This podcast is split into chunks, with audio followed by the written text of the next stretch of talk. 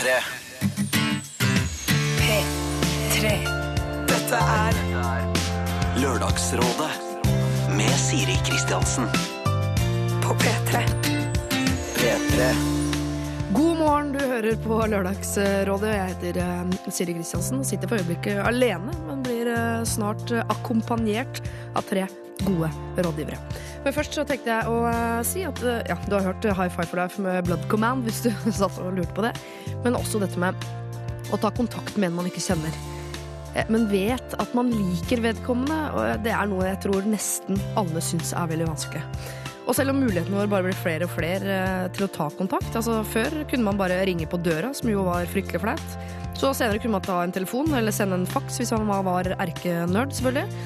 Men nå kan man sende SMS, man kan gå inn på Facebook og i det hele tatt. Og det skulle jo tro at det har blitt lettere for oss å ta kontakt med folk. Men det er den samme frykten som stopper oss nå, som stoppet oss før alt dette her kom. Og det er frykten for at man kan bli avvist. Og jeg har sikkert sagt dette her før, altså, men jeg gikk jo bort til lokføreren for eh, snart 150 år siden og spurte om ikke jeg kunne være så snill og få lov til å sette meg ned ved bordet hans. Og han sa ja, og jeg satte meg ned alene sammen med han og tok en øl. Og han sa ja, ingenting egentlig. Og de neste minuttene helte jeg meg en hel halvliter, og det føltes som mange, mange vonde år. Og mange vonde år skulle bli. Rett og slett eh, åtte lange, vonde år. En evig avvisning fra lokføreren. Før han ga opp og ble forelsket i meg. Og nå er han min. Men det var åtte vonde år. Åtte år med avvisning etter at jeg gikk bort og tok kontakt. Så jeg skjønner og kjenner igjen frykten for å gå bort og ta kontakt med noen man liker. Men er man sjenert, så er man jo sjenert. Så eh, hvordan skal man få disse sjenerte folka ut på glattisen, da? Jeg vet ikke. Men jeg vet at rådgiverne skal hjelpe meg med det eh, nå om ikke så lenge.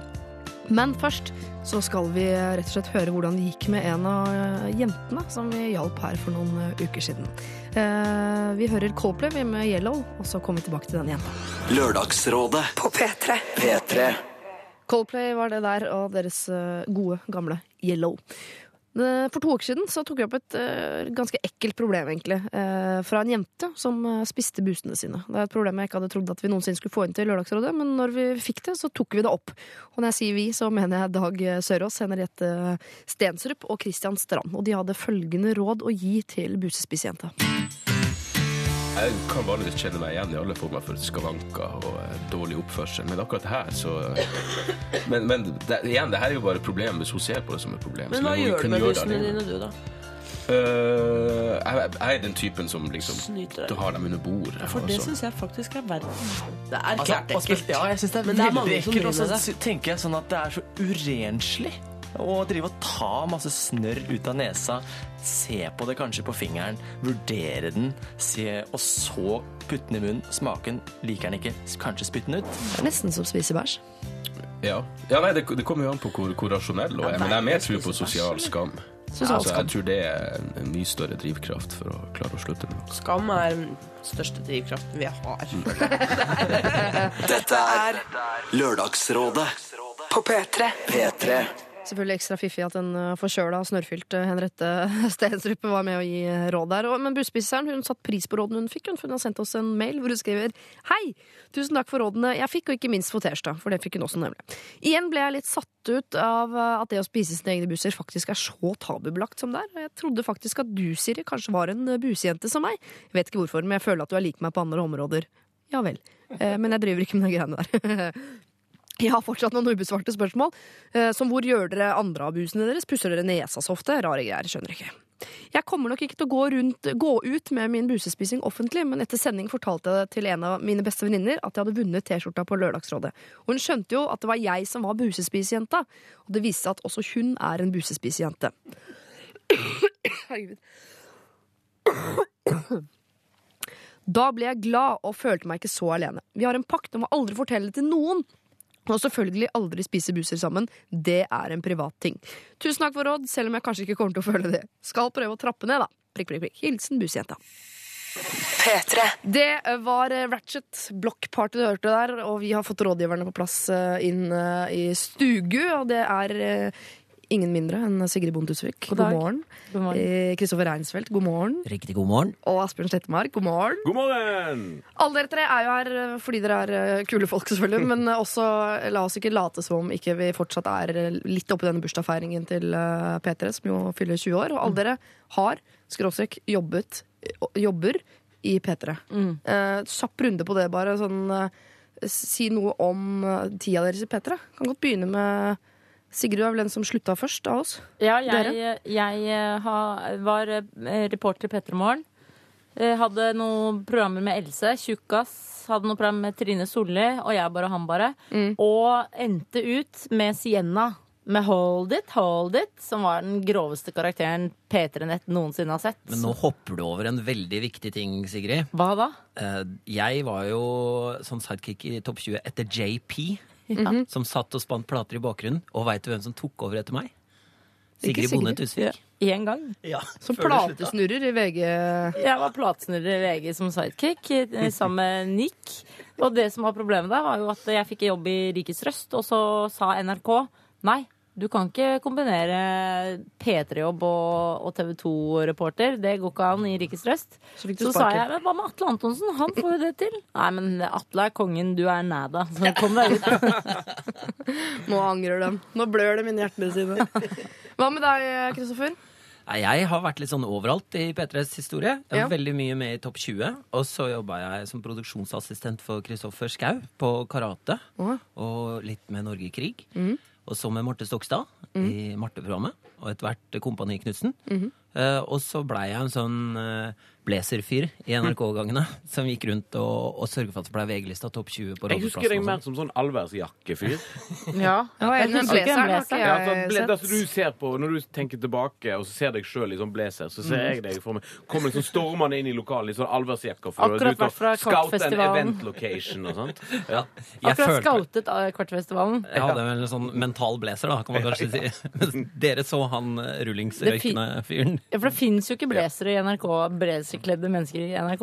Fins det? Nei, i så fall er det ironiblazer eller sånn retro-shit. det er ingen som helt alvorlig bruker blazer her eh, i P3. Bare, bare mentalt. Men mentalt. Hva med. Slettemarken, da? Du har klart å klamre deg fast eh, i NRK her. Ja, jeg er vel nå i NRK på 12, eller P3 på 12. eller 13. året. Jeg var, begynte vel som sånn spaltist, eller sånn paneldeltaker i Kristin Vincents sitt Musikkmisjonen for veldig lenge siden. Eh, og så fikk jeg jo uh, mitt eget program sammen med Totto Mjelde som heter Pyro. Ja, Som det heter det fortsatt. Det heter det fortsatt. Går hver tirsdag fra 9 til 11. Der vi spiller rock og metal og sånt.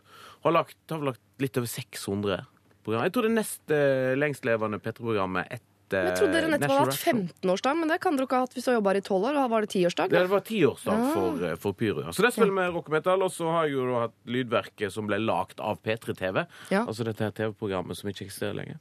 Og så egentlig bare sånn gå rundt og dingle litt i gangene. Vært på Lørdagsrådet, vært vikar i mikstape Og... Ja. Men Og du har adgangskort, liksom? Ja, altså, jeg har jo bare sånt sånn som dette, hvis du ser her. Du har M, ja. Men du, har, M, ja. altså M for midlertidig. men du har avgangskort på TV 2 òg. Du får lov til å ha kontrakter på mange ja. Du er den som jeg ikke får lov til å være, du. Ja, Han men- kongen, vet du, sikkert. Ja, men Du er nada. Du er nada. er den nye Atle Antonsen. Ja, nei, det er helt riktig. Ja. Men jeg er litt sånn eh, her og der i, rundt om i, i P3. Så jeg jobber litt ellers i NRK. Da har vært litt i sporten og gjort sånne ting. Shit. Mm. Det høres gøy ut. Ja, det, er sporten er kjempegøy, Ja. for da har de så enormt masse penger.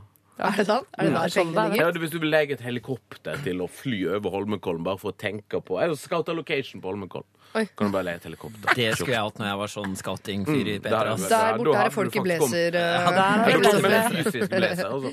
Men dere, kjapp runde også på sivil status. Det gjør vi, også, det gjør vi alltid her i Lørdagsrådet. Kan jo du bare fortsette, Asbjørn? Ja, altså som eh, Som jeg fikk litt eh, kjeft for uh, forrige gang. For jeg sa Jeg tror jeg sa to eller tre ganger at jeg var lykkelig forelska. Ja, Så Fikk du det kjeft for det? Det Ja, applauderer vi. for for det noen, sa at, noen som da sa at hvis du sier så mange ganger at du er lykkelig forelska, da er det et eller annet du skjuler. Du må ha vært en eller annen bitter og Strengt. Ja. misunnelig men, eh, men fremdeles står Fremdeles da fem-seks uker senere lykkelig forelska og samboer. Å, gratulerer. Åh. Altså, nå har dere felles gjeld, rett og slett. Nei, vi har faktisk, har faktisk delt den i to. Ja, for at hun har et eller annet sånn der Statens pensjonskasse Ja, ja. Klok av skade, klok av skade. Ikke sånn at du hadde noe gammelt slag i økonomiske fortida di. Nei, som hun nei ikke altså, det er bare at hun får mye bedre rente enn meg på sin del. Det er noe eller- gamle pyrogjeld. Ja, Pyrogjeld. ja, ja. Noe gammel location scouting-gjeld. Pyro Pyro alltid måtte trykke opp T-skjortene sine sjøl. helikoptertur. Så nei, men kjempefornøyd. Og akkurat flytta og fikk solgt leilighet Yes! Gratulerer. Mm. Gratulerer. Gratulerer. Og du da, Kristoffer? Du, jeg har kjæreste. Ja. Eh, lykkelig forelska. Ja. Ikke si så mange ganger, for da tror jeg ikke på det. Ja, vi har felleskort, Asbjørn. Altså felles økonomi og felles kort. Sånn felles sånn der eh, jokerkort eller sånn der bonuskort på Ikea og og sånn. sånn deler vi. Men har dere Så- noe annet felles? Er det noe hund, kids, hytteaktig? Eh, Nei, jo, vi har nettopp kjøpt oss bil. Vi kjøpte Ja. naboens bil, eh, og den, eh, det er en sånn familievennlig bil. Så Ja. vi ser jo liksom, vi håper at det er noen lystige barnetrinn som danser rundt på parketten i Graceland om, ja. om en stund. Sånn som de to små tvillingene i The Shining Ja, som sykler rundt på. Da skal jeg gi dem sånne like drakter og sånn. Ja, ja. Eh, og når vi kjøpte naboens bil, så fikk vi også Vi begynte, å- vi syntes den var litt dyr. Så jeg sa ja, gå ned 20 000, så tar vi den på tekstmelding. Og så fikk jeg tilbake nei, eh, du kan få med kan gå ned 10 000, men da, da får du med peisen vår, for den likte dama di veldig godt. Og de skulle bytte peis, så da fikk vi peisen deres også. Eh, og så ville de ha kunsten som vi har på veggene, så vi skal bytte den.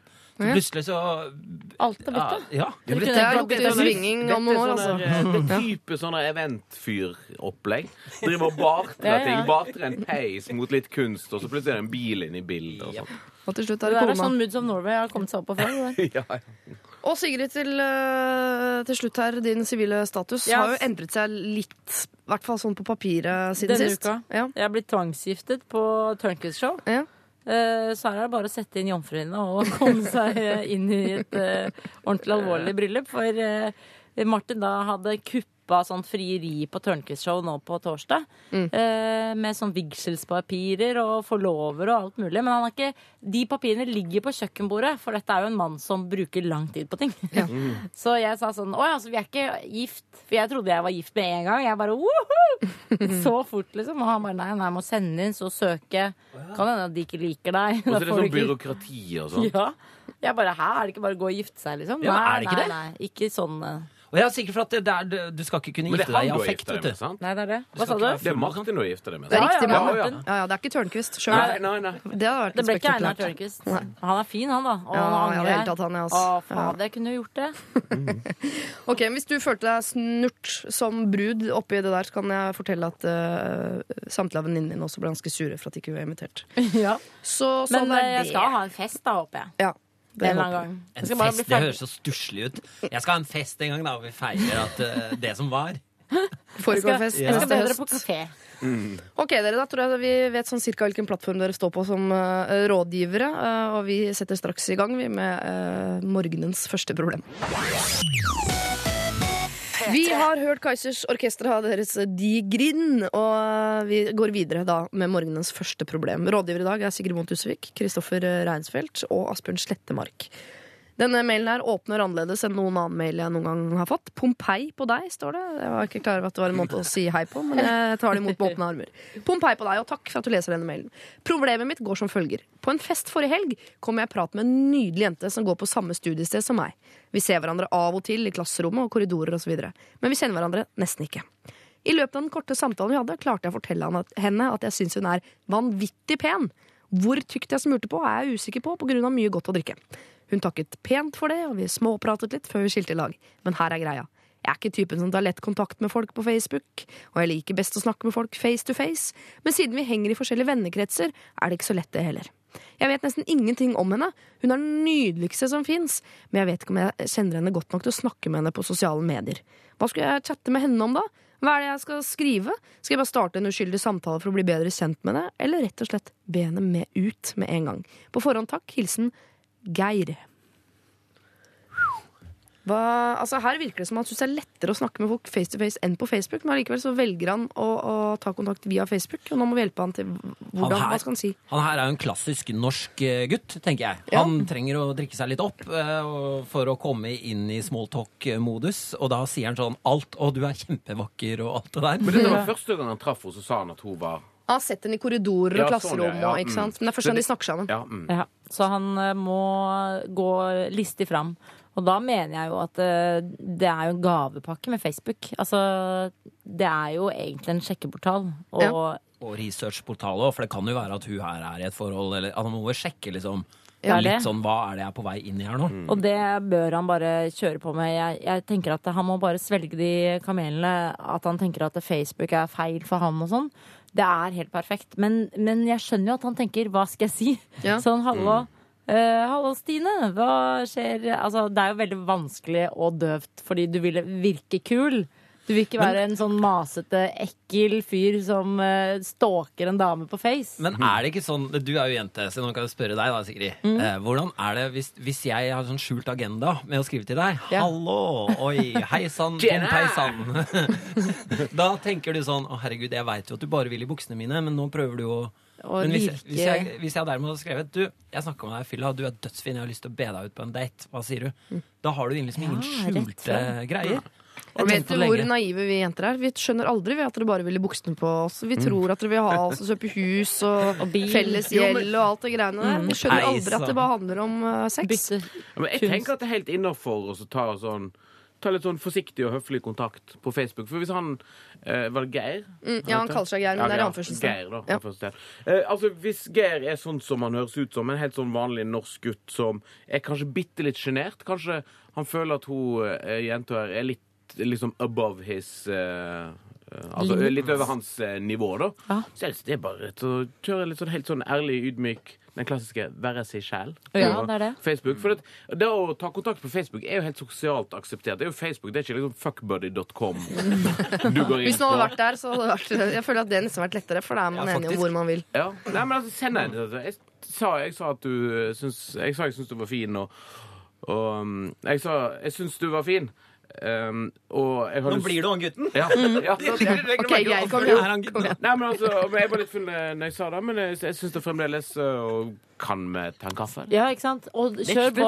Ja, for han skal plukke opp tråden fra den der samtalen som jeg får inntrykk av at han syntes var litt flau. Nemlig at han gikk rett ut sånn 'Å, du er så pen', og husker ikke hvor mye han sa da. Og det er flaut. Ja. Så det er vanskelig. Skal han For han fortsette på den linja, eller skal han late som det ikke er sagt, og plutselig gå tilbake til å være ydmyk? Han har jo ikke vært på en måte egentlig så ydmyk sånn i utgangspunktet. Han har jo Mm. øh, bra seg inn i det. Derfor han tenker at hun, hun er liksom Åh, der er han eh, slitsomme, drita fyren. Ja, Men er vi, men jeg lurer på en ting. Er vi på vei tilbake ifra de der etablerte sannhetene som kom pga. The Game og pornopung og sånt? Der at, at damer har ikke lyst på en snill gutt. De har bare, de har bare lyst på en eh, huleboer som kan ta dem med hjem til hulen sin og, og, Sånn og ligge med dem. Nei. Altså, jeg, men jeg må tilbake at den For da ble jo en etablert sannhet en periode. En skulle være drittsekk på Ja, byen, ja, ja. og en skulle liksom slenge dritt til damer for å få dem interessert sånn. En, en på vei vekk ifra da? Mm, han... For sånn er det jo ikke. ikke sant? Jenter liker jo Og til og med da jeg i hvert fall hadde kjæresteprogrammet, så husker jeg at jeg fikk veldig mange sånne meldinger sånn Hei, er du fremdeles singel? Og jeg vil veldig gjerne møte deg og sånn.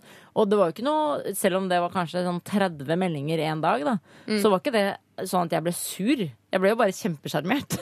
Så det er jo kjempe... Ja, folk er hyggelige hun kan jo ikke bli sur for at noen har lyst til å ta og drikke en kaffe med henne. Det kommer litt an på hvordan han går fram, da. Ja. Det, er der han bare må tenke at, at eh, OK, du var sannsynligvis ganske full Ja. siden du smørte på og sa at du var så pen og alt sånt. Det er derfor det er vanskelig for deg å ta kontakt nå.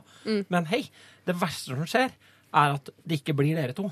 Det er det aller verste som skjer, er at det ikke blir dere to. Og han må ikke si sånn 'du, jeg var så drita, og jeg angrer for det jeg sa', for det må han ikke si. Han må bare gå videre. Ikke tenk på det som skjedde, bare si sånn 'halla'.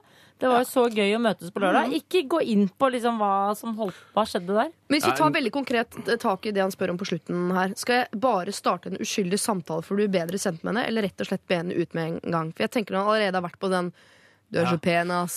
Be Er det da å gå tilbake til en uskyldig samtale, ass, eller skal jeg gå videre derfra til jeg har lyst til å be deg ut? ta en kaffe eller ta en øl eller være med på å spise middag. Ja, be Ja. Altså, de går jo på samme studiested. Her kommer de til å ramle ut på fylla en gang til. Så hva med at de bare tar en øl før de skal på et eller annet studieopplegg? Det er jo masse sånne uh, fredagspilser med studieting. studieting. Men når han sender den henvendelsen, hvordan starta han det, denne forespørselen til deg nå, Kristiansen? Hva er det første som står? Pompei på deg. Han skal ikke skrive det. Nei, det er Det er mitt soleklare råd. Du skal ikke starte med det.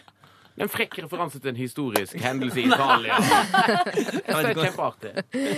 Jo, nei, men da skjønner hun i i hvert fall hvem du er, hvis hun, hvis hun også hører på Lørdagsrådet. Det kan jo hende, for det er ganske mange jenter som hører det hvis, hvert. hvis de her blir eh, da kjærester og for eksempel gifter seg og får fem barn og, sånt, Ja. så kommer jo Da skal vi ha ett av barna. Ja. Jeg tenker jeg skal bestemme navnet på Ja, for da kommer den første setningen eh, som han skriver til henne.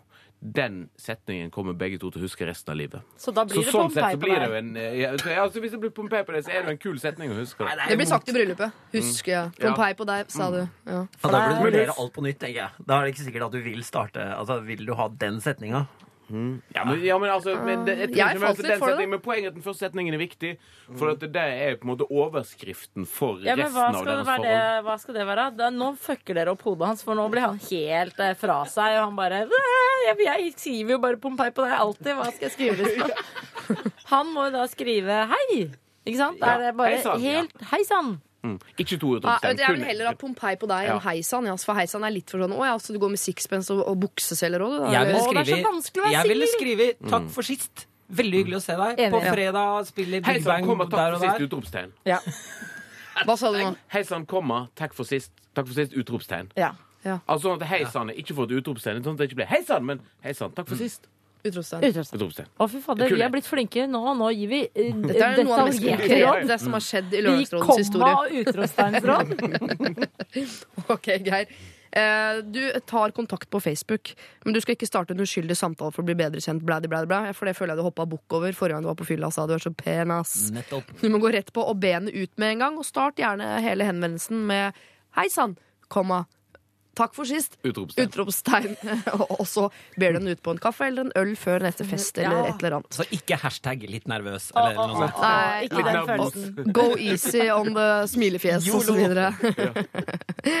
ok, uh, Geir, lykke til. Og husk at hvis dere gifter dere for fem barn, så skal uh, vi ha det igjen. Skal alle barna hete det vi heter?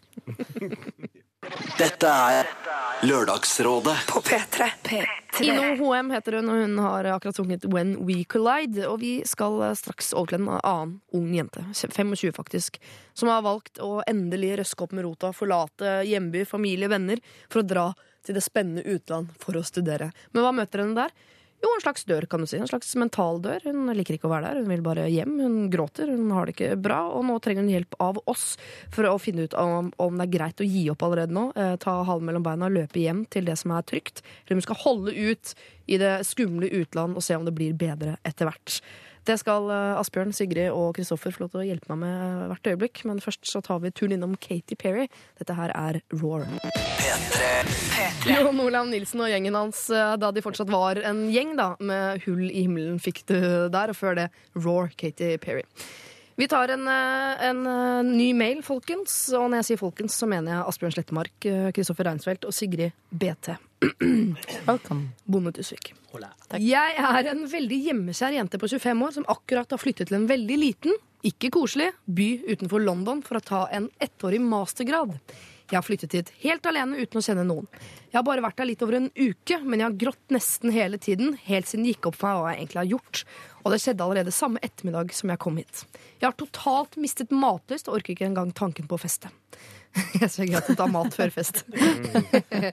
Men jeg har det så vondt inni meg. Jeg er redd. Jeg har panikk for å begynne å studere igjen. Og jeg har ekstremt hjemlengsel. Jeg har det rett og slett ikke bra. Foreløpig har jeg ikke fått meg et sted å bo, så jeg bor for øyeblikket på hotell. Men, grunnen, men grunnet at denne byen kun har to hoteller å by på, så har det dessverre vært et par netter hvor det har vært fullt, så det har blitt litt fram og tilbake, blant annet noen netter i London.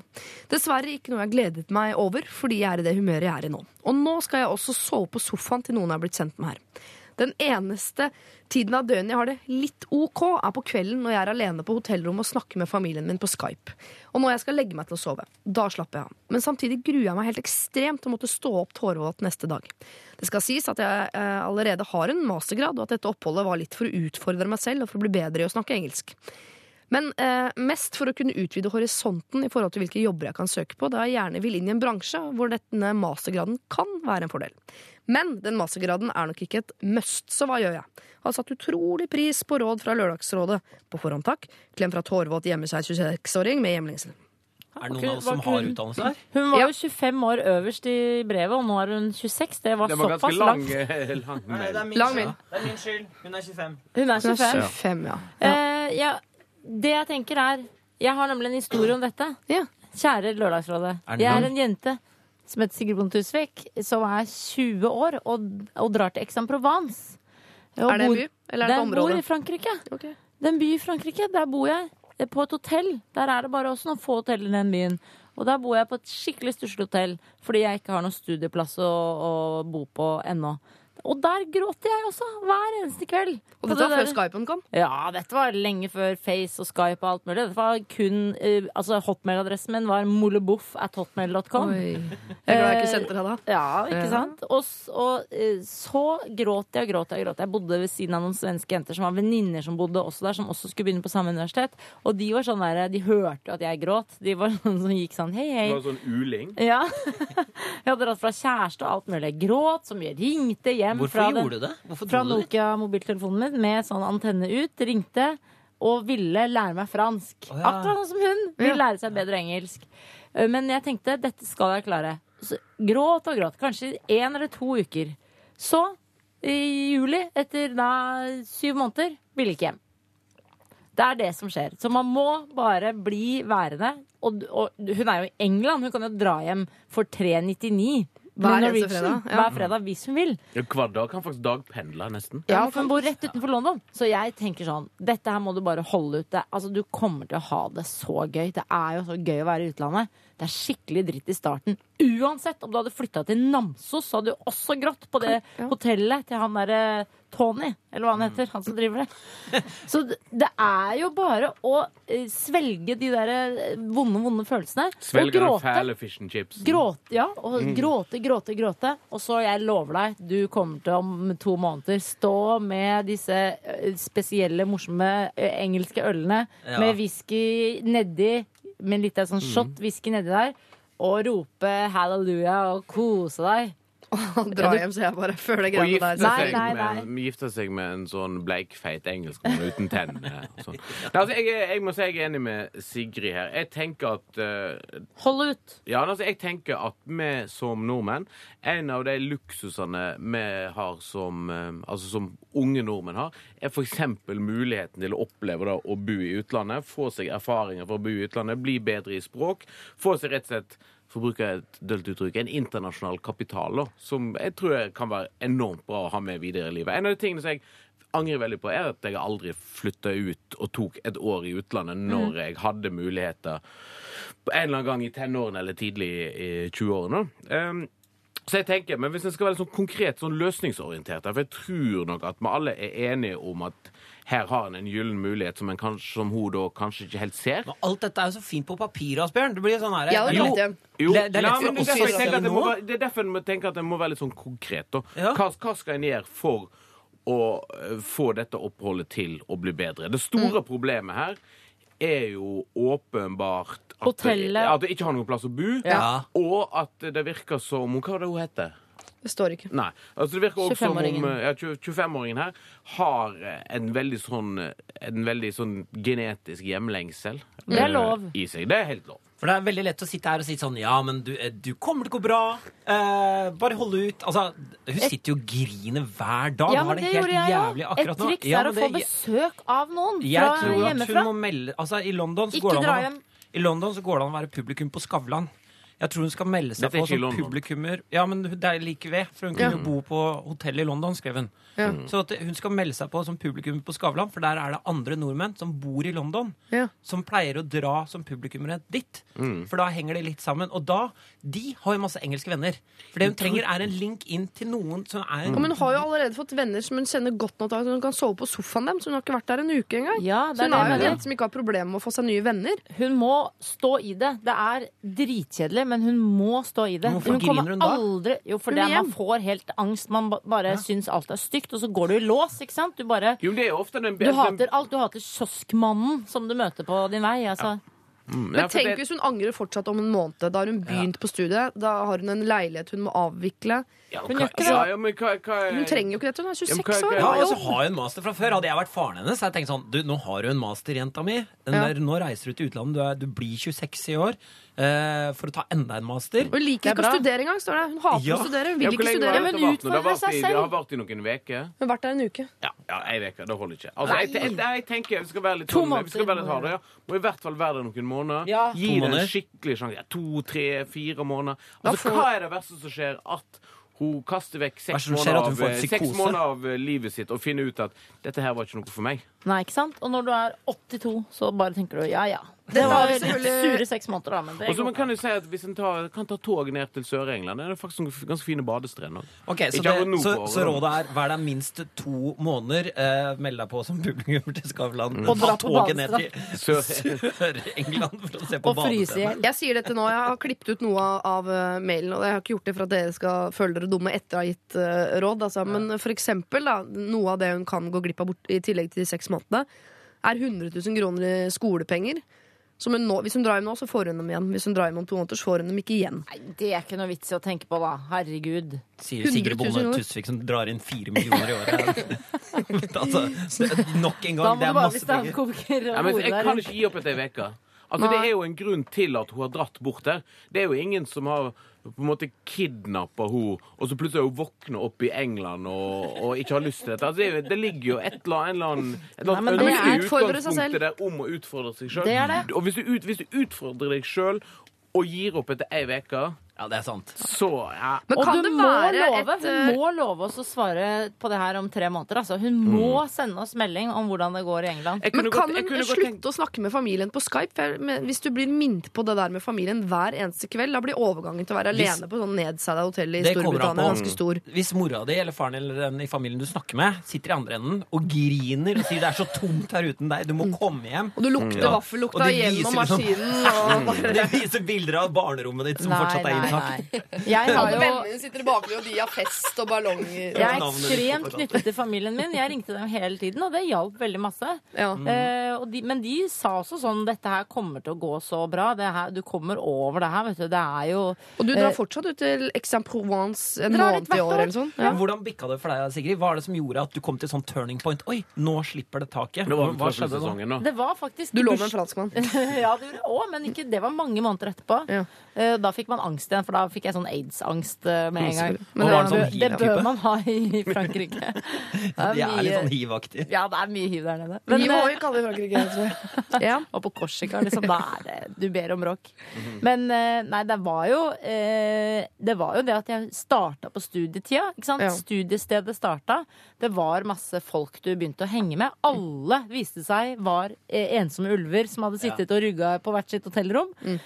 du, du møter litt sånn eh, rare folk, og du tenker 'herregud, så fjernt og rart', og så blir du nesten litt sånn at det går en litt sånn faen i deg. Bare, det her er jo mye gøyere enn å henge med alle de vanlige folka hjemme hele tida. Tenk deg alle de som nå eh, Ok, nå befinner vi oss i oktober. Tenk deg alle de som for en måneds tid siden dro opp til Lillehammer.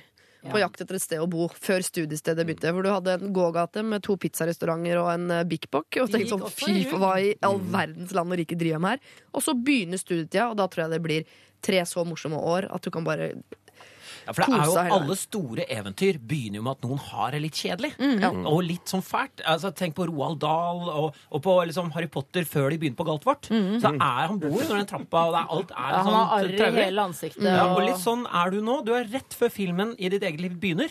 Bare at det er på ekte. Ja. Eh, og du må bare tåle å vente sånn på Kevin, vignetten. Kevin er alene hjemme før familien drar. Ja. Det er litt sånn Ja, nettopp. Skal vi fortsette? Dere har omvendt meg, folkens, fordi jeg var egentlig på sånn dra hjem. For jeg er så lei av at det aldri skal være lov å gi opp. At det alltid er sånn hold ut. Hvorfor skal du holde ut? Du er voksen, du har en utdannelse, som trenger en familie, trenger en venn du trenger. Hvorfor må man jakte? Jeg er lei av at folk alltid må jakte på noe mer. Jeg må ut, utfordre meg. eh, Få nye horisonter, blæ, blæ. Sånn. Hvis du liker den pakka du har, så bli hjemme og kos deg. Jeg. Helt enig Kan jeg, for, jeg kan komme med et ønske, for jeg skal til en liten småby utenfor England Nei, utenfor London om et par uker. Du kan skype med meg. Nei, for det skal til en liten småby som heter St. Alban. Jeg tror ikke dette er den her samme byen som hun er. Men jeg da skal være der i ett døgn, for jeg skal på en konsert. Skal du ta henne med? Er det det du sier? Nei, og, eh, nei, men hør her, for da tenkte jeg altså, Så, skulle jeg, så googla jeg 'What to do in St. Alban on a Friday night'. Og så kom det da opp em, veldig mange tips. Eller det var sånne The Things to see in St. Alban. Da var det da 20 sånn topp 20.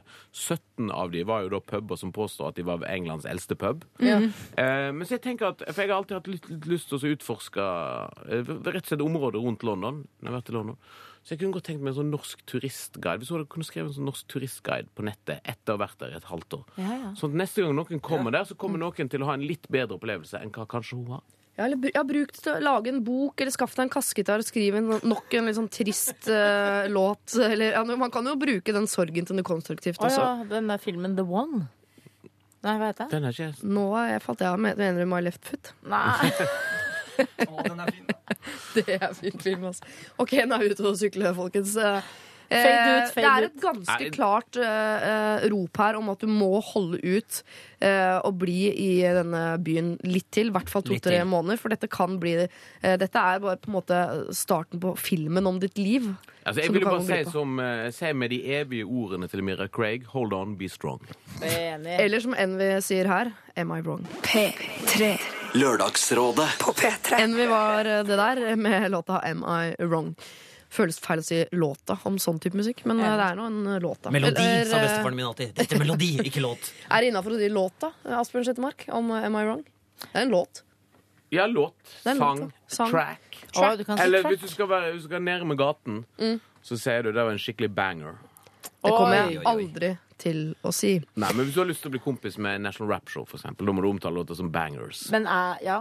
Ja, da skal jeg faktisk gjøre det. For det har jeg litt lyst til, merker En ting som jeg lurer på bare før vi begynner med problemet. Ja. Jeg ser at Sigrid Bonde Tusvik sitter med en knust iPhone og taster. Og så Nesten alle småbarnsforeldre jeg kjenner, har knuste iPhoner. Ja, kan du, kan vil du du se min? fortelle ja, har du, Knust, men bare bak. ja, se der.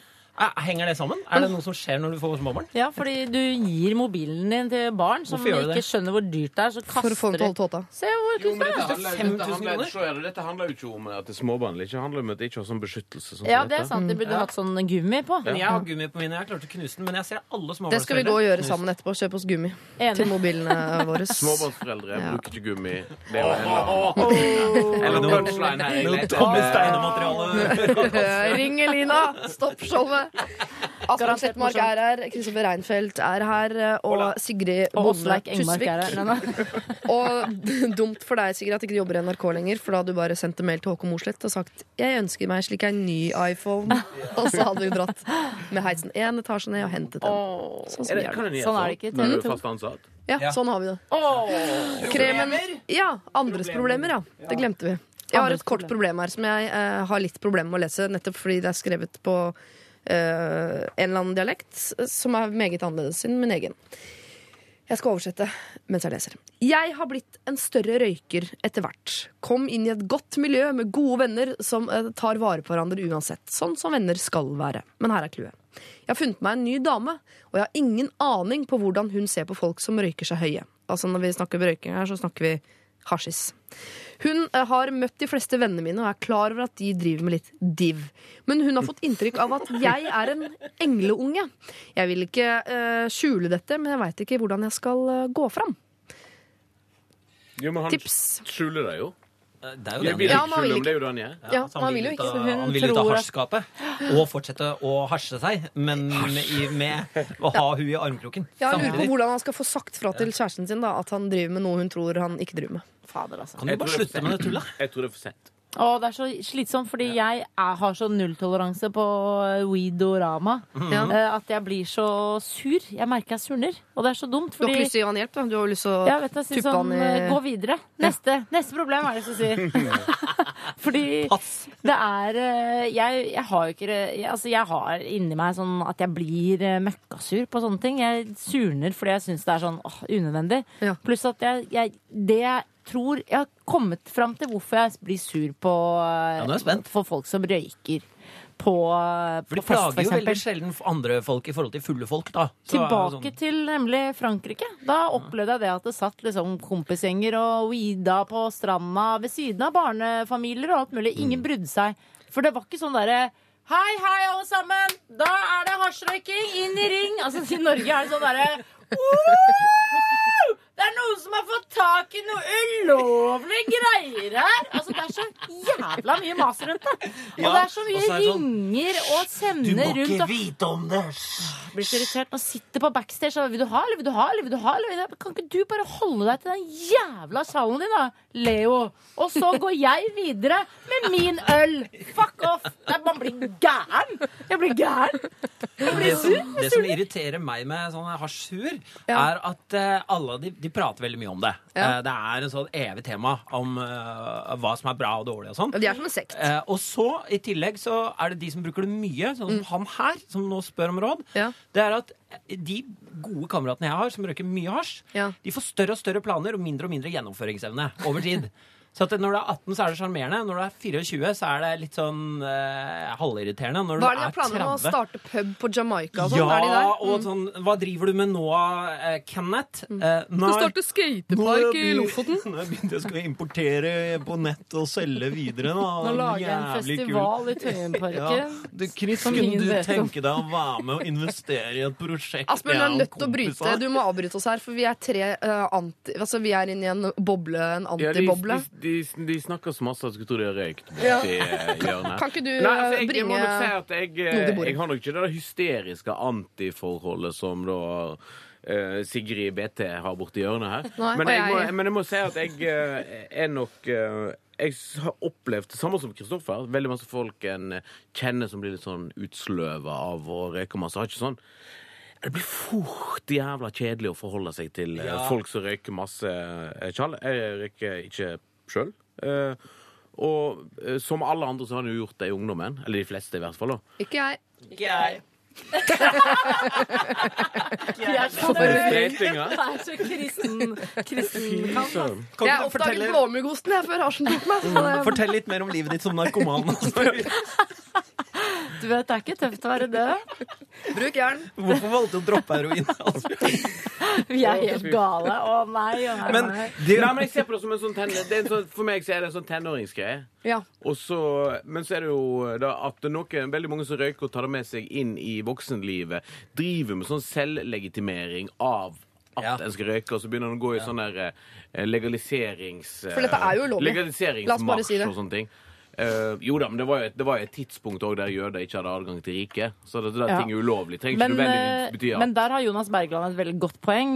Lege og komiker. Han sier at det, det er så lett å få tak i hasj og weed og alt mulig. At de som insisterer på å legalisere det, det er litt rart. For da blir det jo dritvanskelig å få tak i. Da må du jo kjøpe det på apoteket og sånn, som stenger veldig Ja, tidlig og sånn. ja, Nå ulovlig kan du kjøpe det døgnet rundt ved Akerselva f.eks. i Oslo. Er jo, altså, du Men- kasta hasj etter det. men kan vi ikke snu det på hodet? For å gå konkret på problemet her. Ja. Eh, han sier da at han har At han har ikke lyst til å holde det skjult, men han holder det skjult. Ja. Så det problemet her er jo veldig enkelt. Altså Hvis han vil at dette forholdet skal vare, og han har inntrykk av at da kjæresten vil at eh, um, um, eh, Vil at eh, ikke ønsker at han skal hasj, dette er det som inntrykket som han har, så må han enten uh, røyke mindre uh, hasj eller weed eller hva det er. Um, eller så må han bare si til kjæresten at dette er meg. Jeg røyker en joint eller to om dagen.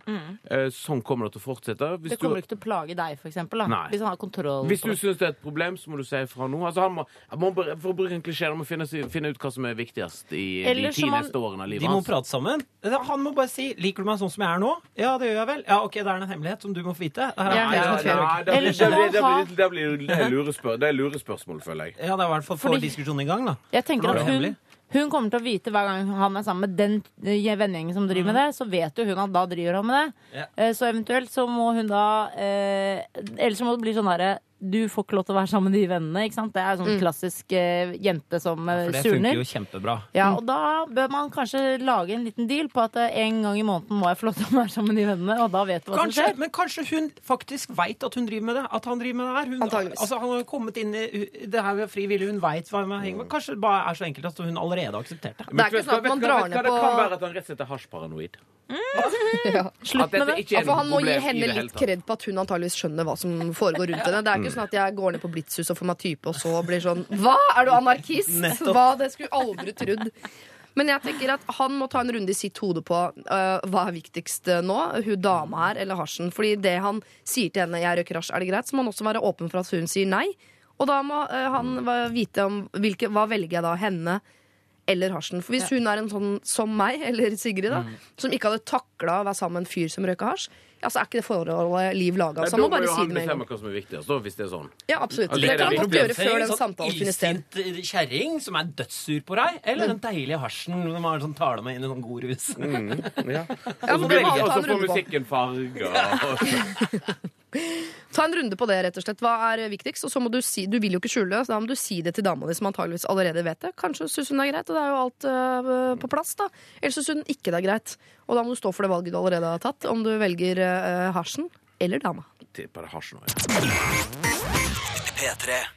Ok, Since last Wednesday var det der High As A Kite. Eh, rådgiver i Lørdagsrådet i dag, som er programmet du hører på da, her på NRK P3, er eh, Kristoffer Reinsfeldt, Sigrid Bond Tusvik og Asbjørn Slettemark. Hei, Pompei. Er det ingen av dere som har eh, kallenavn? Nei. Chris. Chris? Sigg? Tussa ble kalt av Per Sundnes. Hva var det du hadde som hotmailadresse? Molleboff. Molleboff. Pappa sa Stoffer. Stoffer, ja. ja. Det legger jo litt føringer, da. Nei, ikke kallenavn, nei. Ingen Hæ, du er jo bergenser. Dere har jo bare Jeg er sånn ikke bergenser. Nei, det er du ikke. Faen, du er Ignorante stor, søring. storabuing. Du er storabuing. Ja, Ja, men det eh, er dere er jo bare den sånn Laffen og Duffen og De Dodden og det. Kjæresten min er fra Stord. Og det er av og til vanskelig å skjønne hva de sier, om det er egennavn, eller om det er et sted, eller hva, hva, hva snakker vi om? Dollen og Du Dadden. sier altfor lite. Tror du ikke det, da? Ja, men det, det er sånn. Jeg snakker egentlig ikke så veldig sånn storamål. mål. Nei. Nei. Men, men kallenavn, nei. Egentlig Nei. ikke. Faen, dere er så ignorante søringer. Ja, jeg var helt ute. Jeg, Hvor er du ifra, Sigrid? Ja, jeg aner Sigrid? ikke, men jeg tror jeg er fra Nordstrand. Jeg hørte at eh, miljøet på Karmøy er ganske hardt. Var det der du hang når du prøvde hasj? Ja, Karmøy Det er der er jo var. Nei, ja, men Karmøy er beinhardt. Ja, der, Ja, er du, det. der blir du narkis. Vært der en gang, fikk vannkalper, dro igjen. Mm, ikke sant? Det er tøft, jævla tøft Hardcore. miljø der ute. Det har noe i lufta. Ok, dere, Vi skal ta et eh, problem her fra en eh, av våre yngre lyttere. Jeg har alltid hatt et godt forhold til faren min, selv om han har eh, hatt mye rart for seg, og jeg har skjønt at han har vært borti litt av hvert opp gjennom åra. For en stund siden kom pappa hjem og fortalte at han hadde blitt med i scientologikirken. Jeg visste ikke hva det var der og da, men jeg har mer og mer skjønt hva dette er for noe. Hver helg må jeg og brødrene mine høre på kurs på CD, hvor vi blant annet skal lære å ta imot kritikk, bli harmoniske og andre ting. Et av kursene går ut på at vi skal si stygge ting til hverandre uten å reagere, for å bli tøffere. Jeg tror ikke på noe av dette selv, men hver gang jeg prøver å si ifra, eh, snakker pappa på en måte han ikke gjorde før, for eksempel. For eksempel, du trenger ikke tro noen ting. Dette er ikke en religion. Det er vann, vind, ild, luft. Alt du ser, og alt du har. Etter at pappa ble scientolog, har han på den ene siden blitt mer rolig og snillere, men stadig vekk kommer det rare mennesker hjem til oss. Han er på gata og prøver å få med seg nye folk. Og alt er så rart. Vi kan ikke være sammen med en god venn av familien lenger, og er fordi han er psykolog, men vi er venn med barna. Det er ikke lov i scientologikirken å ha kontakt med psykologer. Mamma har begynt å reise til foreldrene sine ofte, og er redd for at de skal bli skilt på grunn av dette. Så hva skal jeg gjøre? Jeg kan jo ikke bestemme over faren min, men jeg vil bli kvitt disse scientologigreiene. PS. Jeg er under 18. Oi. Dette var, dette Jeg var fikk, sånn man tror jo helt ned til det der med mor, at, eh, at de har gått fra hverandre. For men, Ja. Det er jo helt rart å se for seg at eh, mor og far er sammen, men far har plutselig blitt scientolog. Og så driver han nå og peprer barna sine fulle med eh, forskjellige kurs, da, som i seg selv Ja, så er hun under 18, så han kan bestemme over henne. Ja. vet ja. Og tenk, altså, Når jeg hører på alle problemene som kommer inn til Lørdagsrådet, så får jeg sånn følelse av at herregud, så bra det går med Norge. Når man hører hva folk baler med i kroker og kriker i landet her. For dette her er jo sannheten for eh, Er det en jente? Ja, som, som er på en måte fanget i scientologiverden. eh, mot sin vilje. Ja, det er jo eh, kone til eh, Tom Cruise også. Dette er Tom Cruise eh, Ja. Kan være kone, neste kona til Tom Cruise i råd her nå, så dette er eh, Kan hun, når eh, de har sånn session hvor de øver seg på å herde hverandre, Mm. eh, og de skal si stygge ting uten at den andre skal reagere, kan hun bruke det som et vindu til å fortelle faren absolutt alt hva hun syns om scientologikirken, om bruddet med denne gode psykologvennen, om at hun er redd at mamma skal flytte, og hva det gjør med henne som 17-åring. Og nekte det. han å Og du får lo- ikke lov til å vise noen følelser og sånn, for nå driver vi og herder hverandre. Kan hun bruke det som et vindu? er spørsmålet. Jeg tror nei. Nei. Jeg tror at her må en gå ut. Jeg tror dette er en veldig alvorlig situasjon. Jeg tror at det finnes støttegrupper for eh, folk som eh, da har familiemedlemmer som er, er lander i scientologiens Eller i en grep. sekt generelt, da. Ja, sekt generelt. For jeg, det som er greia, at folk som da blir eh, måte, dratt inn i denne scientologiverdenen og dratt inn i det, lærer òg hvordan en skal takle motstand og motargumentasjon ifra nærmeste familie. Ja. Eh, Det er på en måte hele, altså hele grunnlaget for scientologien er jo den her en slags sånn sirkelargumentasjon der du skal dra folk inn, og en skal alltid lære seg å forsvare det en holder på med. Ja. Det blir nesten litt sånn Sånn, eh, litt sånn junkieaktig, at en lærer seg å lyge for å holde opp en fasade. Så jeg tenker at her eh, må jeg rett og slett gå ut og få tak i noen som har ekspertise på dette området. Hva med han psykologvennen, da? Kan ja, han ikke psykologvenn. Eller så har han jo òg en som har gått ut og altså, snakker om dette, er jo Olav Gunnar Ballo i SV, Ja. som mista Dattera si etter hun hadde tatt en sånn scientologtest. Han har sikkert eh, noen kontaktpersoner som han kan ta, kan ta kontakt med for å få, for å få innspill på hvordan en skal deale med dette. For La oss ikke glemme mor her, da, som Ja, ikke er scientolog. De er jo to, eh, tenker jeg på en måte. De, De kan finne støtte i hverandre. her. søsknene òg, er det ikke det? Og de er jo flere mot én her, på en eller annen måte. Ja, for her må man jo trå Dette er jo kjempealvorlig, fordi det er altså For det første så er jo scientologikirken veldig, veldig skummel kirke, fordi det er på en måte så nærme eh, eh, vanlig hverdagsliv i Så det er på en måte ikke en sånn tydelig crazy religion.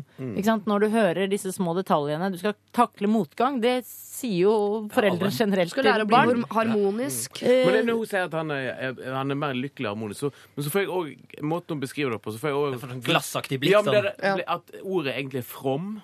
Mm. Altså den Rolig der, og snill. Litt sånn, sånn, eh, sånn eh, gladkristne folk som smiler mens de sier at eh, verden holder på å gå under. Og jeg skjønner jo at hun er kjemperedd for at foreldrene skiller seg, men det tenker jeg på en måte Det må hun ikke altså Kanskje det, ikke det er så dumt. det må være, Ja, og det må være på en måte opp til moren, men hun burde snakke mye med moren sin om Mm. dette, istedenfor å bare observere at moren drar mye av gårde. Fordi det er jo, ikke for å være veldig frekk, men nå er jeg kanskje det. Ut fra hva hun sier, da, så får jeg en sånn følelse at eh, du er kanskje redd for å miste pappaen din nå. eh, Ja. Fordi dere må velge mellom et, det vanlige livet eller scientologilivet. Det har allerede skjedd. Sånn som du skildrer det. Altså, Bruddet har på en måte allerede funnet sted. Det blir ikke verre nå. Nå må dere på en måte deale med det. Eh, Så dere må gå videre og akseptere at du, nå er han inne i dette. For det, reagerer, det er mye å reagere på i den mailen her, egentlig. Det jeg syns er uh, oppsiktsvekkende, er at etter at pappa ble scientolog om vi, Man er nysgjerrig på hvorfor han ble det også, for det er sånn som man ofte blir etter å ha opplevd noe traumatisk. Fordi man søker svar et annet sted.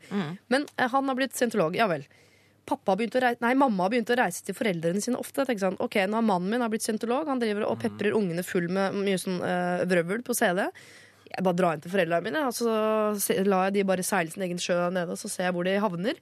Det syns jeg er veldig, veldig veldig rart. Hadde eh, min mann begynt å, å dra barna mine i en eller annen retning som ikke jeg var i, så hadde jo ikke jeg stikket hjem til mutter'n og spist fårikål og sitte der og tenkt sånn Ja, ja, vi får se åssen det går da når jeg kommer hjem på Men søndag. tror du ikke hun er litt sånn nedbrutt? da At hun ikke klarer helt å cope med dette og må hjem for å få støtte av sine Ja, må ta med seg liksom? barna Eller at hun må føle at hun må rømme fordi eh, scientologer har jo jerngrep på andre folk. Det er jo det Ja. som er en skum, det er jo derfor det er skummelt med scientologikirken. At de, de, de holder fast på folk. Jeg ser at Sigrid tar dette veldig alvorlig, for hun tvinner. Det er første gang hun Ja. har tvunnet opp hele det der headset-kameraet din i fingrene mens du prater. Ja, det er så, men man må trå så forsiktig, fordi jeg tenker jo også at eh, det er, det er så skummelt å være 18 år oppi det her, da. Fordi da er du egentlig på søken, og du eh, har så lite makt over ditt eget liv fordi du er under 18. Eh, så har han makta over deg på en måte På en eller annen dustete måte sa foreldre det, og du er jo egentlig ferdig menneske. Men Så er hun er er ikke det må være- gang, og hun er søsken som er yngre, så hun er eldstemann. Så Ikke sant? Så hun andre- vet, hun vet Men de kan ikke snakke med psykologer, for de er farlige. For de eh, kan jo like mye om menneskesinnet som det psykologer kan. Så ikke sant? Bør hun derfor- snakke med han Ja. eh, eh, familievennen og høre hva de skal gjøre. Og så er det ja, Googler hvordan komme seg ut av scientologikirken, og så finner en sikkert noen sånne folk som kan eh, komme med gode vink og råd og tips der. Ja, for vet dere dette, gang, altså. Hvis en scientolog må velge mellom scientologikirken og sin egen familie, vil de fleste da faktisk velge scientologikirken? Ja, det tror jeg. Ja. Ja, så det nytter ikke å liksom true med det sånn. Hvis du Nei, ikke går ut av en kirke nå, så mister du oss. Da flytter mamma og vi barna. Det Det kan hende at faren her er kjempekul, fordi som man ser på scientologer, så er jo ikke de helt sånn de er jo ikke, ikke, Det er jo ikke Smiths venner-opplegg, Det er liksom. mange kule ikke, scientologer. Beck, for eksempel. ja, det er nettopp det. mange kule. Er det det et parameter nå? Nei, men de, de tiltrekker jo, men seg du veldig selvsikre mennesker Ja. som er klassiske ledere. de, de, ledere, står, ikke- de står ikke på torget og brenner hekser, liksom. Tom Cruise, John Travolta altså, Det er jo ikke liksom Det jeg syns er forferdelig, er at eh, et menneske helvete. under 18 år, en, eh, en jente som da egentlig er i den fasen hvor du skal ha masse backing fra begge foreldrene dine for å ha det bra eh, Du blir den voksne i familien nå.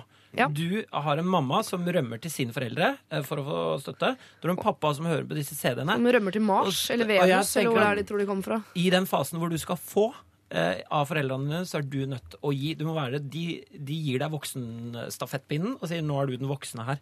Det er jo det Du som skjer i praksis. søke, du må Du må google og finne, eh, finne noen du kan prate med, fordi det her ja. er, er kjempeskummelt. Ja.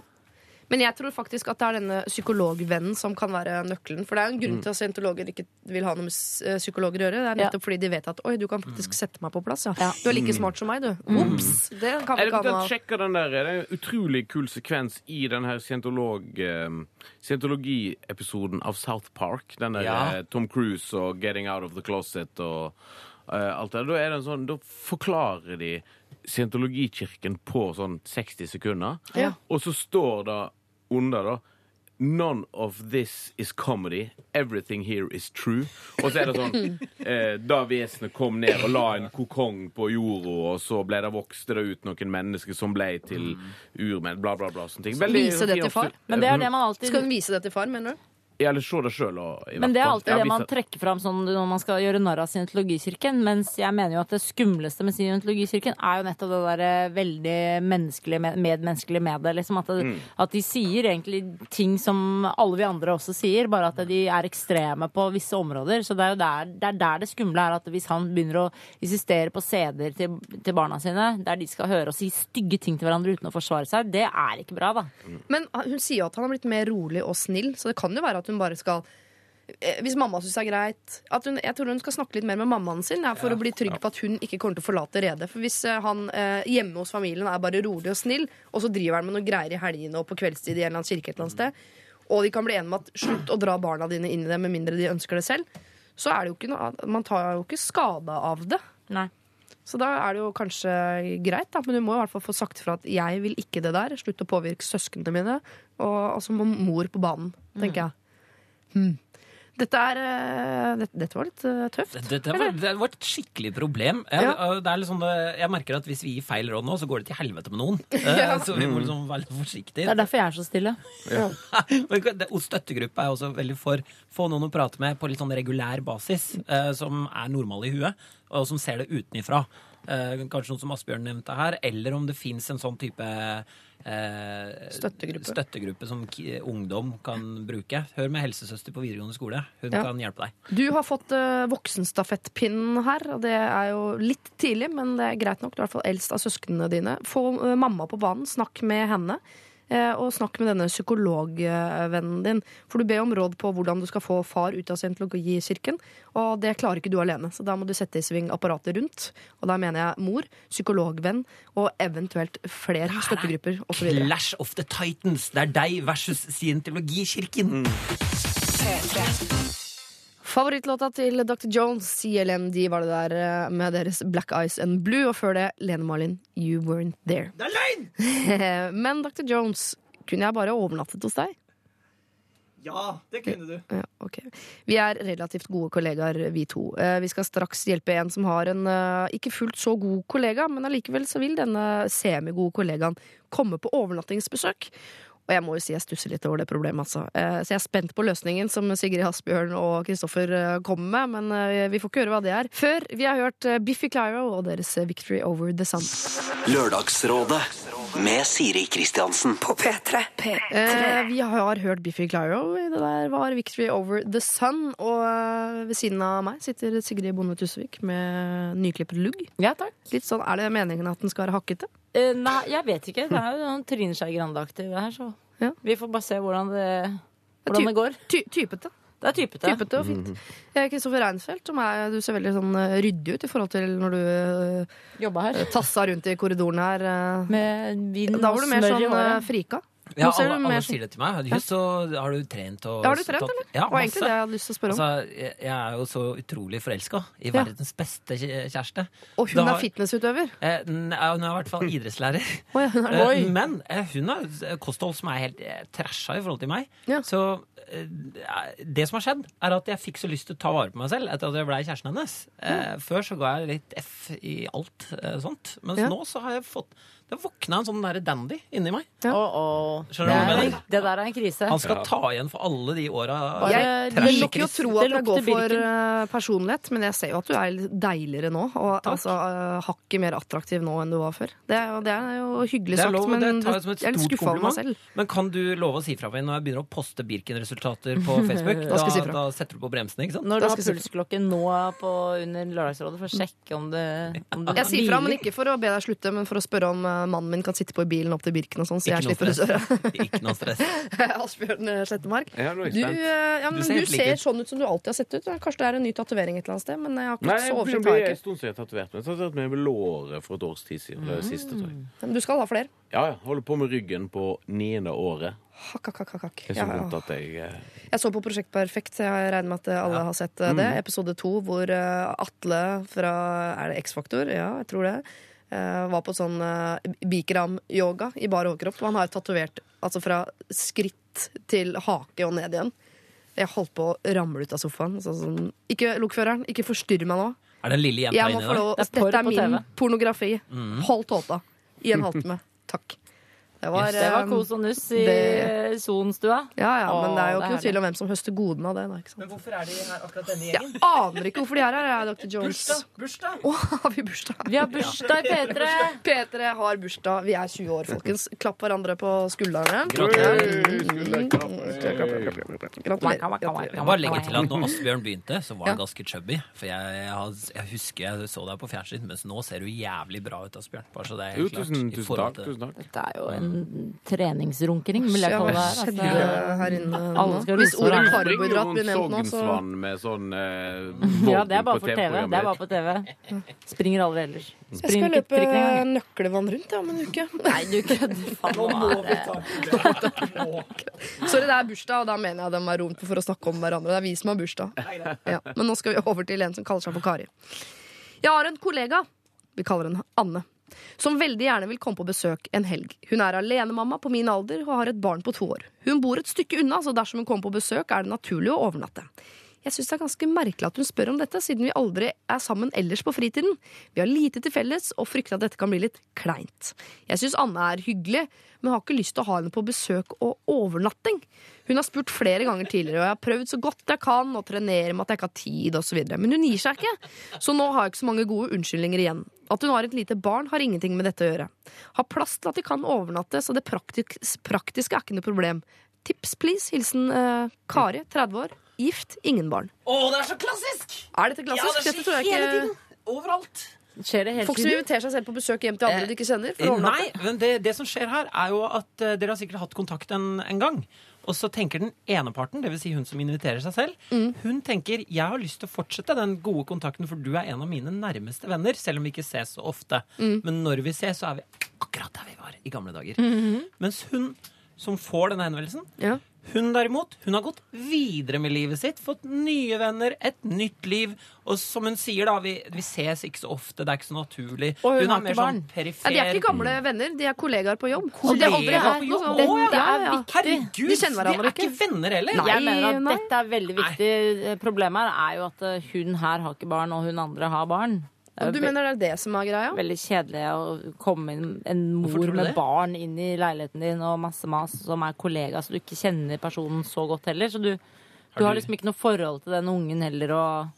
Nei. Nei, da hadde jeg blitt stressa. Hvis noen har- kollegaer av meg Bare hvis Lisa Tønne hadde flytta inn til meg én dag, så hadde jeg klikka i vinkel med de barna. Det er helt, da må jeg leie eh, Rika hotell nede på Grünerløkka, så kan hun bo der. Hva. Asbjørn, for eksempel, eh, vi to da jobber jo her i P3 begge to. Jeg har to barn. Så foreslår jeg sånn Asbjørn, du har jo akkurat flytta og fått større plass og sånn. Jeg skulle ikke bare ha kommet hjem til deg en helg, da. Jeg og ungene og, og blitt over, rett og slett. Helt fjernt, syntes det var veldig rart. Ja. Ja, det er det der, men hva skal du si? Men, men poenget Jeg tror nok at den som da er den her kollegaen, har jo da gjort litt sånn feil i forhold til initiativtaking. Og da, for at eh, hvis for eksempel eh, du, Siri, hadde liksom casually sagt eller liksom, Å, søren, jeg skal inn i inn i, eh, til byen en dag, og så et eller annet, og så litt sånn styr, og så Ja, kommer jeg jeg meg ikke hjem den dagen. Og så kunne jeg sagt Ja, men du, jeg har jo gjesterom. Du kan bare, du kan bare bo på det til i morgen. Det går helt fint, liksom. ja. Altså, Har du det, eller? Mm, ja, ja. Kult. Ha, ha, jeg- Siri overnatter av Er det jeg skulle fram til skjønne mailen? Ja, men poenget her er at hun føler eh, at hun blir invadert. Ja. Ja. Hun føler ikke at hun får muligheten til å være Invitere. en romslig person. Så at hvis hun hadde da for eksempel bare, altså hvis hun hadde hatt muligheten til å invitere til dette her, hun føler at hun blir pressa på noe. Da. Og hun må få lov til å bruke den- sin tid på det. Ja, Det er Det er ett problem et er problem til, og det er at hun føler at dette er en kollega. Mens kollegaen føler at de er venner. Ja. Eh, og det er der jeg tilbake til det jeg ville frem til i starten. da. Ja. Hun, eh, altså Kollegaen tror de er venner, og at de kan gjøre sånne ting. Mens eh, hun som sender inn her, hun, hun tenker at dette er en kollega av meg. Du bryter kollegamuren Ja. og, og beiser inn i vennerommet mitt. Mm. Og tenker at du bare kan ta med deg kids inn i stua mi en helg. For meg så er Ikke helger litt sånn hellig. Jeg Men jo altså, veldig man må kan- bare si Kan vi ikke bare ta en fredagspils, og så. Eller det Kari kan, altså innsender kan jo si sånn Er det ikke mye lettere og hyggeligere at jeg kommer en tur til deg? For da kan hun jo kjøre bil, og så kjører hun hjem igjen etterpå. For det er jo, jeg tenker Kom på besøk er vel hyggelig. Det er en kollega altså Kan du ikke ta det som et kompliment? da Det er en kollega som syns du er så hyggelig at hun har lyst til å tilbringe tid sammen med deg etter jobben. Ja vel, så har ikke du det behovet, for du har så mange andre venner. Blæ, de blæ. Ja, men men, vær nå litt romslig. Da. Ta den kaffekoppen med. Det som er problemet, møtes- er jo overnattinga. Da kan jeg heller møte møtes på nøytral grunn, tenker jeg. Jeg er litt enig. At hvis det er så grunn. viktig altså, å henge ut, og alt sånt, så kan ikke jeg bare stikke ut og spise eller et eller annet sånt? da? Hadde noen Ja. menn gjort det her? Det er det jeg lurer på. Nei. Dette er litt sånn kvinneting å Ja. insistere på at man skal overnatte med kids og alt mulig. Ja. Hadde en mannlig kollega vært sånn derre Vi kommer drassende. jeg. Men- men- Jeg er leder er på Arve Juritzen og ungen, liksom. Vi flytter inn. Men hva skal, altså, hun, hva skal hun si til For nå har hun trenert så lenge, nå har hun ikke flere unnskyldninger igjen. Vet du hva som er fælt med frekke folk? Det er at eh, vanlig høflighet biter ikke helt på dem. Det preller av som Ja. vann på gåsa. Ja. Fordi de tar jo ikke de tegnene. Det er Nei. derfor dette skjer. At de, alle de vanlige hintene og sånn funker ikke. Nei. det du må si er Jeg skulle gjerne hatt besøk av deg, men dessverre så har jeg ikke lyst til det. For jeg, jeg Går ikke trenger- Å, det går ikke an å si. Nei, la, la, jeg Ikke har til heller lyst kollegaer, gjøre er du det. gal? Kan du vel? Nei, nei, Du kan nei, nei, Jo, men for det som eh, Det må jeg Det bare går ikke an si. Jeg har ikke lyst, skulle gjerne hatt det på besøk, men det har jeg ikke lyst til. Ja, det er drøyt. jeg, kjenner, jeg kan sende meg Siri litt igjen Kristiansen i hadde kanskje kunnet sagt det, men problemet. ikke andre. Vet du, jeg det. kjenner at jeg syns dette er veldig kinky. Jeg Ja, kjenner at fy jeg ikke fader, har dette er noe så helt spesielt krise. eh, god, god løsning sånn umiddelbart. Jeg klarer ikke å Hva resonnere hadde du meg gjort, fram da? til en eh, god løsning. Helt enig. Um, Hva hadde du gjort? nei, jeg vet rett og slett ikke. Jeg hadde sagt at jeg hadde begynt å tror- pusse opp leiligheten. jeg. Så kan ikke ha overnattingsbesøk, hadde jeg sagt. Jeg går Ja, altså, altså, løye, god, det er- gammeldags løgn. Hun skriver jo at dette skjer jo gang på gang. At mm. Men det er jo det at en, ja, men så men på et eller annet tidspunkt så må en jo da bli ferdig å pusse opp, og så Nei, dukker nei, det må opp. bare si at det Men du, faktisk, så ja, Av erfaring, så hvis du trenerer lenge nok, Mm. så tar til og med de eh, som ikke skjønner hint, tar hintet til slutt, altså. det, altså. Jeg også sånn mener at her må man, eh, eh, ljuge. avtale om at vi skal visst ikke bli venner likevel. Den blir hengende i lufta mellom. Blir det en felles, felles usagt forståelse? Ja, er jo det, som er slemt, det som er slemt her, og som jeg kan kjenne igjen eh, litt, er at eh, Kari, som er innsender, føler seg pressa opp i et hjørne for sånn Nå må jeg glefse for å komme meg unna. Sånn, Ja. jeg er Ja. ikke egentlig bitchy, men nå eh, har du ikke press, nå har jeg fingre, Ja, nå- hinta og vært hyggelig og falsk så lenge, og du fortsetter å presse, og nå må jeg si sånn jeg er ikke keen på å være sammen med deg, OK? Så Ja. blir du eh, tvunget til å være Megge. Da. Ja, Og så blir du den du ikke har lyst til å være. Jeg vet det. Mm. Og hun er sikkert ikke sånn i det hele tatt. Det er jo det som er så jævlig. Men hva skal hun gjøre, da? Men du ser jo dette mennesket på jobben hele tida. Fortsett å ljuge. Fortsett å ljuge. Fortsett å Ja, ljuge. ja, ja. Fortsett å Det ljuge i er sånn mange år. norsk måte å gjøre det på. Det Ja, men det er så nydelig måte. da. Herregud, Ja, for for, et ja, for samhold. i Italia så lyger de ikke. Husk hva Jens Stoltenberg sa. Mer åpenhet, mer løgn. Har dere sett den gode filmen Ulvehunden? Nei. Har du ikke sett Ulvehunden? Nei, er det en gammel film, eller 1984? Ja, Den er ganske gammel. Ja. Ethan Hawke i hovedrollen, og en ulv, da, selvfølgelig. Som Ja, ja. egentlig er en bikkje. Liksom? Er det en lang digresjon? det, er jo Fantomet. det er en slags eh, digresjon, ja. Men det er bare noe med at uh, ulv er mennesker kjempegode venner, men mennesker skal flytte til storbyen. Ulv kan ikke være med. Det skjønner ikke Sånn, ulv. Og du kan ikke hinte til en hund. Så Ulv. det da mennesket må gjøre til slutt for å få ulven til å stikke av, er å late som man skal slå ulven med en pinne. Fordi den er oppvokst med å bli Ja. slått som pinne og er livredd pinne. Så han later som han skal slå ulven. Da blir ulven så lei seg og løper til skogs. Han tenker nå har det ene snille mennesket i verden også snudd seg mot meg. Løper til skogs. Mennesker kan dra til byen. Da tenkte jeg sånn og det er det Kari må gjøre. Hun må sånn ta opp pinnen mot Anne Ja. for å få Anne til å løpe til skogs. Ja, det, jeg Men hvordan gjør man det, da? Men det går, men det går an å si Må si 'jeg hater barn' Men, eller men Asbjørn, eh, man trenger ikke være sånn kjempefrekk tilbake. Man kan bare si sånn Uh, det, jeg tenker at det er lov av og til å si at du, det har gått så sinnssykt unna for meg i det siste. Så at Jeg er så stressa. jeg er så stressa. Nå gleder jeg meg til å ta en rolig kveld på lørdag. Og da syns jeg det å få småbarn og sånn på besøk, da har jeg lyst til å være litt oppe og sånn. du inviterer Du må enten være klokkeklar på lyging Ja. eller klokkeklar på sannhet. Ja, men At hun har et lite barn, har ingenting med dette å gjøre. Jeg har plass til at de kan overnatte. Så det praktiske er ikke noe problem. Hun har bare ikke lyst til å henge med Anne. Ja, men det er ikke det, lyst til å være venner. Ja. Altså, jeg, nei, jeg tenker en må være en kan, Jeg tenker at en ikke kan ha noe sånn mellomting her. En kan ikke gi for, det- Nei, altså, ikke ljuging en mellomting, da, Fordi da sier du Nei, nei, det- passer ikke nå, det passer ikke nå, og så ses de hver dag Ja. på jobb.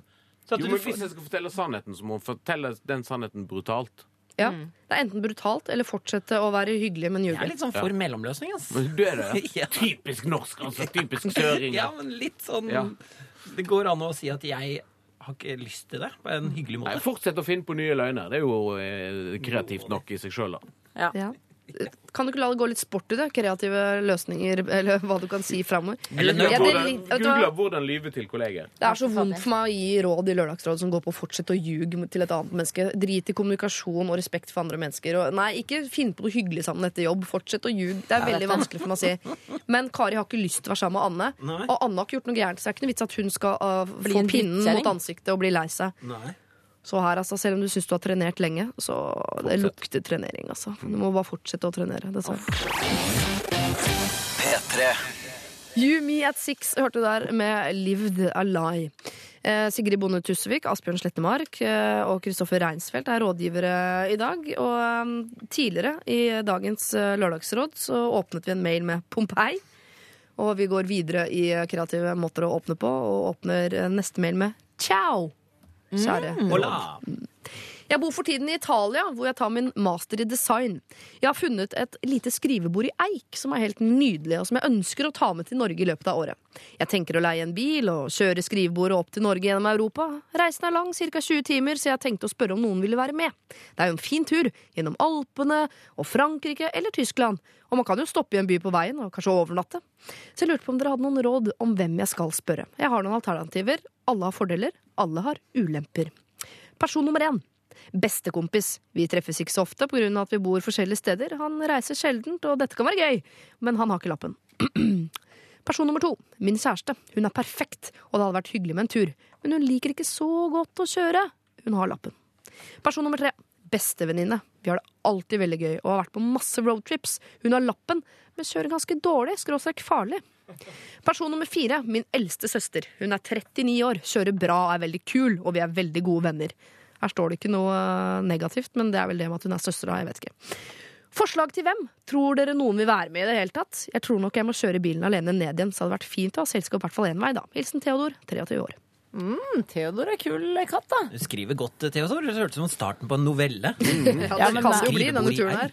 Ja, fordi eh, jeg har jo hatt en fransk kommode som jeg en gang kjøpte, og den sendte jeg gjennom Den trodde jeg kosta 800 kroner. Den kosta 8000 Ja. euro. Nei, altså den kosta til slutt 8000 kroner, og så kosta det 9000 å ta den med hjem til Norge.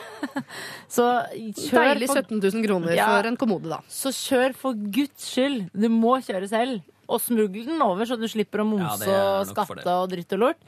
Så du må bare dundre over grensa med det der skrivebordet ditt. Sammen med hvem da? Eh, sammen med person nummer fire. Hvorfor er hun helt på slutten? Hun er jo obvious nummer én. Ja, fordi da sårer du ikke bestevenninne, for du kan slekt eh, eh, kontrer Blod er tjukkere enn vann og så ja, videre. ikke? Mm. Og kjæreste eh, var ræva til å kjøre, eller? Farlig, Nei, det må du ikke gjøre. Nei, det var bestevenninna. Kjæresten Best... er ikke, Nei, er ikke så glad i å kjøre. bil. Ikke sant? Og hadde lappen. Og det er jo veldig kjedelig at du må kjøre hele veien. Men samtidig så er det jo noe som heter Kjærlighetsstien, er det ikke det? Gjennom Østerrike der. Men jeg- Og det er visstnok ikke veldig, veldig romantisk. Da kan dere Theodor. stoppe og ligge sammen. Ja, det er det jeg tenkte òg. Kan dere ikke stoppe og gjøre det til en kjærlighetsreise? Du kjører mest, hun kjører ikke så mye. Men nå har du en unik mulighet til å kjøre gjennom Europa. Dere er unge. Nei. Dere har et skrivebord i eik Svesta. med dere. Tenk så mye. Eh, Søstera var 38-39, og han Theodor var 23. Ja. Det er perfekt mulighet til å tilbringe enormt god kvalitetstid sammen med søster si, som han da sannsynligvis ikke har sett så masse. Enig det er kanskje du. først nå, når han har blitt voksen, at de har begynt å komme på et tilsvarende nivå. Altså når hun var da eh, 19, så Mm. var han 4. Altså de har aldri vært måte, i, på samme nivå i verden. De skal bli eh, bonde over et eh, eikeskrivebord, og det Ja. blir så bra. Du også, må velge Svesta. Ja, og så der også gjør sånne kule ting med familien når han har blitt voksen, det kan jeg ikke få anbefalt nok. Jeg tok med meg mor mi til Syria og Jordan på to uker som backpackingtur når jeg var Ja, jeg tror faktisk jeg var 23. Og mamma var med, så reiste vi rundt og bodde på sånne rare hostell. Og så reiste vi rundt i, og så på alle mulige rare ting. Og det var i gøy? Syria og Det var helt fantastisk. Det er Snakker sånn hun om det ennå? Ja, ja, jul og påske, så- så- Ja, for det, er typisk sånn, ma Mamma var veldig glad i å reise når hun var ung, og så etter hvert så liksom fikk meg å gifte seg og alt sånt. Så, så, var det, så, så ble liksom feriene mer og mer konforme og sånt. Og så når jeg en gang skulle på sånn bare, Jeg skulle på sånn eh, oppdagelsestur i Midtøsten i to måneder. Kult. Så spurte mamma om hun ikke kunne være med. Ja, men Bli med de to første ukene. Det er jo kjempestas. Jeg synes det er dødskult. Men Mm. fikk du litt sånn Marve Fleksnes-følelsen av og til? At du, du, var, du og Valborg var på tur? Ja, lite grann kanskje, men bare Ja. på en positiv måte. Ja, ja. Og så kan en gjøre forskjellige kule ting. Så kan, for da er det to generasjoner som kan vise hverandre ting. Altså Hun, Mm. hun på 39 hun har, kan sikkert et eller annet om de østerrikske alpene. Hun som kan kløtsje, for eksempel. Ja. Men er det bare, er det bare to plasser i den bilen her? Kan de ikke reise flere? Nei, nei, nei. nei, nei. Må aldri være du skal jo tre stykker i bil. du. Sitte én bak og Se for deg og sånn. Thelma Louise har med en tredje i baksetet. Det blir dårlig film, da. Ja. Det er dårlig film, da. Ja, det, er dere, det er ikke så ille når Brad Pitt dukker opp. Nei, det er helt ålreit. Det er helt ålreit. Men eh, han sier også at alle har fordeler og ulemper. Person fire, Else søster 39, der er det ikke nevnt noe ulempe. Så der tror jeg sånn Oi, her kommer jeg ikke på noe ulempe. Der ligger det vel en slags fasit. Gjør det ikke det? Ah, Da svaret lå i eh, mailen hans. Ja. Theodor, 23. eh, Du tar med deg søsteren din, 39. God tur. P3. Dette er Lørdagsrådet med Siri Kristiansen. Nirvana Smells Like Teen Spirit har vi hørt, og før det Kave med låta En av dem. Fantastisk. Har ikke dere alltid lyst til å kalle han Tjave hele tiden? Nei. Nei vel. Men like Teen Spirit nå når eh, P3 ikke er tenåring lenger. P3 er 20 år. Vi er 20 år, vi er ikke tenåringer lenger. da. Det har jeg faktisk ikke tenkt på. Like Petra skal flytte til en by utenfor England, London og sitte og rugge litt nå som student. Begynner å bli voksne. Nå skal vi bare spille uh, Fleetwood Mac. Fleetwood Mac, ja, faktisk. Er det det med snakke om sjeleliv. Ok, dere, vi skal ha- ta et uh, problem uh, til. Eh, jeg leser en ganske lang eh, mail, faktisk. Kjære Lørdagsrådet. Jeg har endelig fått meg kjæreste. Vi har vært sammen i tre måneder nå og har det veldig bra. Dette er en super fyr som jeg vet liker meg, og jeg føler meg trygg på han. Vi har møtt hvera- hverandres venner, men ikke foreldre. Han står fortsatt som singel på Facebook. Selv har jeg, etter et evig liv som singel, bevisst unnlatt å ha noe som helst om forholdsstatus på Facebook-siden min, og prøvd å late som jeg er en av dem som ikke vil være så privat på sosiale medier. Det er ikke så mye det at jeg absolutt må stå som in a relationship med han på Facebook, for jeg er i utgangspunktet en tilhenger av å skjerme privatliv når det kommer til at folk man ikke sen har sett siden barneskolen, skal vite absolutt alt om en. Men samtidig så vil jeg jo ikke at det skal stå at jeg er singel, sånn at eventuelt tidligere flammer kan tro at det er fritt fram. Jeg vet han har hatt en god venninne tidligere. Denne venninnen bor i en annen by enn oss, og jeg tror ikke de har noe særlig kontakt per i dag. Altså gnager det litt i bakhodet mitt, denne paranoiaen om at han kanskje ikke vil fjerne at han er singel fra Facebook, for å kanskje holde ting litt åpent med denne venninnen. Skal jeg bare drite i mine usikre fakter og innse at man fint klarer å være et velfungerende forhold uten Facebook?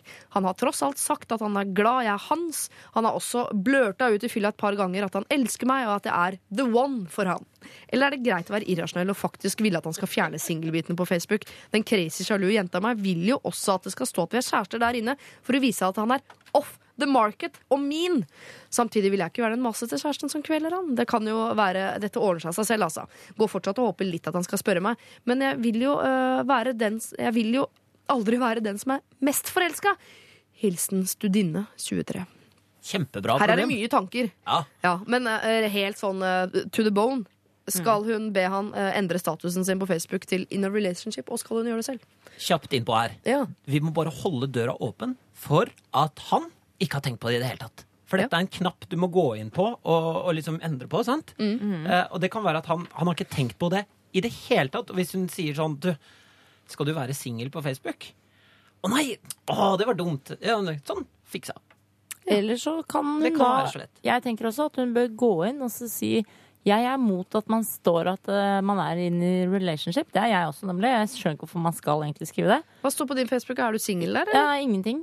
Du trenger ikke å skrive stå noe? Nei. Du er jo kjent. Jeg er veldig imot å være personlig på sosiale medier, Men men føde på TV, ekstremt opptatt av problem Andre jeg, medier. vet du hva, du må gå i deg sjøl, Sigrid. Nei, jeg har dessverre litt sånn sperre på det, men jeg får veldig kjeft av Martin. Han mener at eh, folk er på sosiale medier mer enn at de ser på TV. Han mener at jeg må bare slutte med de TV-programmene og bare begynne å legge ut føding på, På Facebook. på Vine. Men Det er eh, personlig for deg å si at jeg er sammen med Martin på Facebook. jeg vil ikke si det. Jeg tror folk har skjønt det. Etter Div TV-program opp igjennom så handler det om nettopp det. han er i relationship med meg. Jeg vil ikke si det. Men hvorfor kan du føde på TV, da? På Nei, men det er ikke noe stress, for det er Ok, jeg går ut Jeg vil ha lønn. Jeg vil ha lønn for å skrive. Men det jeg mener, er at det er noen av oss som ikke er så opptatt av det der med sosiale medier. Og da kan jo han også bare slenge seg på det og si sånn ok, men det er digg for For han tenker kanskje åh, jeg gidder ikke å være sånn fyr som skriver sånn in a relationship. Da får du sånn hjerte til alle vennene dine. Sånn, er så jævla nerd. Så kan ikke han bare ding, og så bare Men nå står det fjerne singel. Det er jo feil. Det er ja, faktafeil. Men da fjerner han status. Så kan man skrive hvilken Men kommer ikke det også opp? Ding! Fjernet Nei, nei, nei. status? Nei, nei. Ok. Nei. Face, vet du, er smarte folk. Mark. Ja. Jeg, jeg tror òg jeg er sånn som Sigrid, som er, at det ikke står status på meg. det. Bra. Men jeg er òg litt sånn Hvorfor som Nei, det- altså det- det- Jeg går for- for. Jeg skjønner Altså, ingenting. Um, jeg tror det er på grunn av at Jeg, jeg har heller ikke bursdagen min på Facebook. For jeg, Da slipper du det Ja, helvetes. Tusen takk for alle de gode gratulasjonene. «Åh». Så jeg så du var ute her på bursdagen din. Og, sånn. tusen takk Ja, til alle, og dere er så snille og hyggelige. Jeg som vet det, er det som plager sånn. sjela di hele bursdagen. Så tenker du faen, om jeg husker å gå inn på Facebook klokka tolv og si takk for alt. Men mest av alt så er det på grunn av at det ikke bryr meg. Det altså, det, hadde ikke vært noe big deal for meg å trykke på in a relationship med kjæresten min. Det heter jo sosiale medier. det betyr jo ingenting. Nei, vet du. Det betyr ingenting. Men det heter jo sosiale medier. Det heter ikke usosiale sitter- medier. er når du sitter og lager omelett og kaffe til kjæresten din til frokost. Det er det som og betyr dere noe. har liksom to fantastiske timer lørdags formiddag, eller en er ute og drikker et glass vin, eller Og det er det en- som skal være viktig for Ja. kjærester. Men hvis, eh, Ikke dere, in a relationship. hvis deres kjærester hadde hatt singel på Facebook, så, syns, Jeg vet ikke hva som hadde står der. Jeg må sjekke hva som står. ja, så hadde dere kanskje tenkt på at eh, du, eh, nå har vi barn sammen og, og Nei, altså jeg er sånn. medlem av Q500.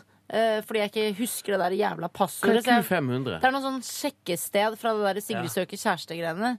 Så det er et helvete. Jeg får Hver eneste fredag får jeg 'Hei, bondejakta, her er dine tre match'. For kveld, for helgen. Men mitt råd er i hvert fall veldig enkelt, da. Fordi Ja. i ethvert velfungerende kjærlighetsforhold så er det sånn at hvis du møter noen på din vei eh, som spør, Mm. eller som fatter interesse for deg, og spør eh, ja, så sier jeg selvfølgelig ja, jeg har kjæreste. Hun er dødspen, jeg er veldig glad i henne, jeg er veldig stolt av henne. Hvis vi Du går sa på ikke det når jeg spurte i dag morges. Hvis vi går på gata, så holder jeg hendene hennes. Jeg slipper ikke hånda hennes hvis det kommer noen som går forbi. Jeg syns det er hyggelig å stå for det. Og jeg har ikke noe problem med å ha, Med ha, en, ha en kjæreste. Er han, han er Asbjørn Slettemark? Er han uh, singel, eller? Facebook. Jeg finner den ikke på Du er Facebook. ikke jeg. på Facebook, Asbjørn. Nei, for det går Ja, ikke an å er- søke meg opp heller på Facebook. Er du band, eller? Mm, Er nei, du men band? et eller annet sånn at du, kan- Hvis du søker på navnet mitt, så får du ikke opp. Nei, Å nei. opp. Hvorfor det? Har du, Du er har du kalt deg fra personlig? eh, Brumlebass. Uh, Moleboff? Nei, nei, men jeg bare tenker at Hvorfor skal jeg være tilgjengelig på det? Altså, Jeg har jo har masse venner på Facebook og bruker det masse. og sånne ting Sikkert. Men ikke så veldig personlig. Legger ut litt sånn bare overkropp-bilder av meg sjøl når jeg er full på Er det festival. sant? Det er det mest eh, personlige. Ja. Men det er sånn litt sånn halvironisk. da Nei, men Nei, men jeg syns hun skal ikke være Hun skal ikke være sånn kjæreste som er opptatt av det der, og der men hun kan jo nevne det. Det er litt rart. For hun kommer til å klikke i fylla en eller annen dag og si sånn Å, du, som det står at du er singel på Facebook! Ikke sant? Så da må hun eh, si rolig nå, før hun blir drita. Det er litt rart at du er singel på Facebook, eller? Ja, kan, det er sånn hun må Nei, si men- det. ja, men Hun må ikke ta det sånn 'jeg har tenkt'. Nei, jeg, Vi må jeg synes snakke det er sammen. ikke litt rart at For da legger du en eller annen negativ verdi i det. Ja, Bruk Men sjiraffspråket. kan du ikke Når du sier at du er singel på Facebook, så føler jeg at du ikke er noe opptatt av at vi er kjærester. Men, Men idet hun endrer sin status til in a relationship med han, så vil jo det få masse oppmerksomhet på Facebook. Så mye oppmerksomhet så at han ser det. samtidig. Må jo avtale oss å gjøre det samtidig. Må ikke ja. Eller har Martin gjort det uten at du har gjort det? Ja, hun må jo fordele oppmerksomheten utover. Først må hun gjøre det, for masse, eh, fluffes masse der, og så vente noen uker, og så gjør han det, så fluffes man masse der. Kan man ikke ha litt sånn at du, veit vet når du har glemt noe, sånn du må huske å kjøpe melk, Asbjørn, Asbjørn, eller sånn. Eh, Du, jeg tror du har glemt å huke av den at du er singel der inne. Ferdig med det. Altså, ja. og en annen praktisk. Altså, Ja, ikke sant? Husk å kjøpe sånn- dorull og Ja. s- huka det være singel på Facebook, da. Ha Sånn, ha det! det, fin dag. Eller hacke kontoen hans og gå inn og gjøre det for han. Å, Men det jeg er litt gammeldags. Jeg syns at man skal løfte, slå et slag for kjærligheten og stå, Mm. og stå for hvem man er, også på sosiale medier. Du er sånn foran i baugen på en båt, eh, aktig type, Ja, kvalm med Mamma møtte en 90 år gammel mann som het Iteren, som var i familien vår. Iteren? Eh, Iteren, fordi han spiste spilte damer. forsvarsrekka på godset i gamle dager. Så han spiste folk. fy. Og han var sånn svær branne. Ja. Og eh, han kom gående med sin dame da, eh, når hun også var gått opp i 90-åra. Og de hadde pynta seg, skulle ut og drikke kaffe. Og så sa han til moderen min Er hun ikke flott, Turi? Denne dama her i livet mitt. Og det er sånn som hun forteller videre til alle hun kjenner. og Alle blir litt sånn rørt. Mm. sånn, Fy søren, de har liksom pleid kjærligheten til the bitter end. Og ikke drep kjærligheten på Facebook. La den blomstre. Å, det er koselig søtt. OK, jeg går inn og kanskje skriver inn en Bra. Sigrid! Slå et én til, Asbjørn. Tenk litt på det. Jeg skal tenke på Han må jo Tenk litt på åpne det. seg på Facebook først. Han må jo Ja, slå et slag for kjærligheten. Ingen dør av det. Si det en gang til, og så skal ingen avbryte etterpå med noen sånn mumling. Slå et slag for kjærligheten. Ingen dør av det. P3. Det der er en låt som selv min sønn på fire år kunne ha utrodusert, men jeg får gjøre det jeg som ansvarlig mor. The Fox, Ylvis. Det er det vi har hørt her i Lørdagsrådet. NRK P3. OK. Eh, Asbjørn Slettmark, eh, Kristoffer Reinsfeldt, Sigrid Bonde Tusvik. Det gjenstår én oppgave før dere kan eh, forlate the building. Og det er å dele ut en T-skjorte til en av de som har delt sitt problem med oss i dag. Jeg skal eh, gjenta hvem de er. Altså eh, Vi har denne mannen, eh, eller studentmannen, som har sagt til en jente i klassen sin at du er så pen, og nå vil han snakke mer med henne på Facebook og lurer på hvordan. Og så har vi Lost in England, en jente som er i en liten, stygg by utenfor eh, London. Hun mistrives og lurer på om hun skal eh, bli der i håp om å eh, få det bedre på sikt. Og så har vi en fyr da, som røyker litt hasj, men han har ikke sagt det til kjæresten sin ennå, og lurer på hvordan han skal få sagt fram det der. Vi har en ung jente som har en far som har forvillet seg inn i scientologkirken, og lurer på hvordan hun skal vise han vei ut av labyrinten. Og så har vi en eh, dame som har en kollega som gjerne vil komme på overnattingsbesøk. Hun er ikke så fysen på det sjøl. Og så har vi en gutt som gjerne vil frakte et eh, italiensk skrivebord i eik fra Italia Italia hele veien hjem til Norge. Jeg er usikker på hvem han skal ha med seg som kompanjong. Til slutt, eh, in a relationship-jenta, hun eh, lurer på om hun skal endre status på Facebook, og ønsker også at kjæresten skal gjøre det. Lurer på hvordan hun skal si fra om det, da. En av disse skal få en T-skjorte. Hun.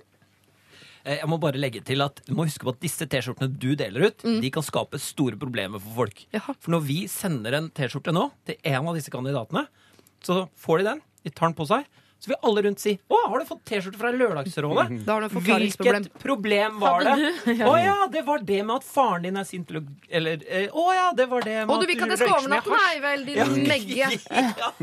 Ja, men du, Det der er vel også ganske greit ved å ikke gidde å trykke opp egne T-skjorter, men bruke den eh, kjønnsnøytrale P3-T-skjorta. Å ja, så du var på P3. ja. Du kan si du fikk en Ja, for ellers så får du trøbbel i, trøbbel i Ja, livet. Da, da er det greit. Da, hva, Asbjørn? Hva Nei, av kandidater så føler jeg at det er to stykker som eh, stikker seg ut som sterke kandidater.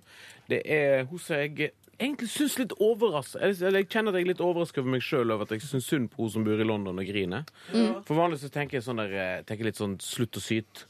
Du bor i London, du har en fantastisk mulighet. sånn, Men så kjenner jeg inni meg at jeg, eh, at jeg syns litt oppriktig synd på henne. Og at hun trenger en, en, en liten ja, en, en liten glede i, eh, i livet på en lørdags eh, formiddag. Syns du mer synd på henne enn hun som har en far som er scientolog? Eller Det hun som har en type som har ja, unnskyld, unnskyld. Og så den andre kandidaten er jo da eh, denne uh, unge jenta som har en far som har blitt fanga i de harde, sleipe klørne til scientologikirken.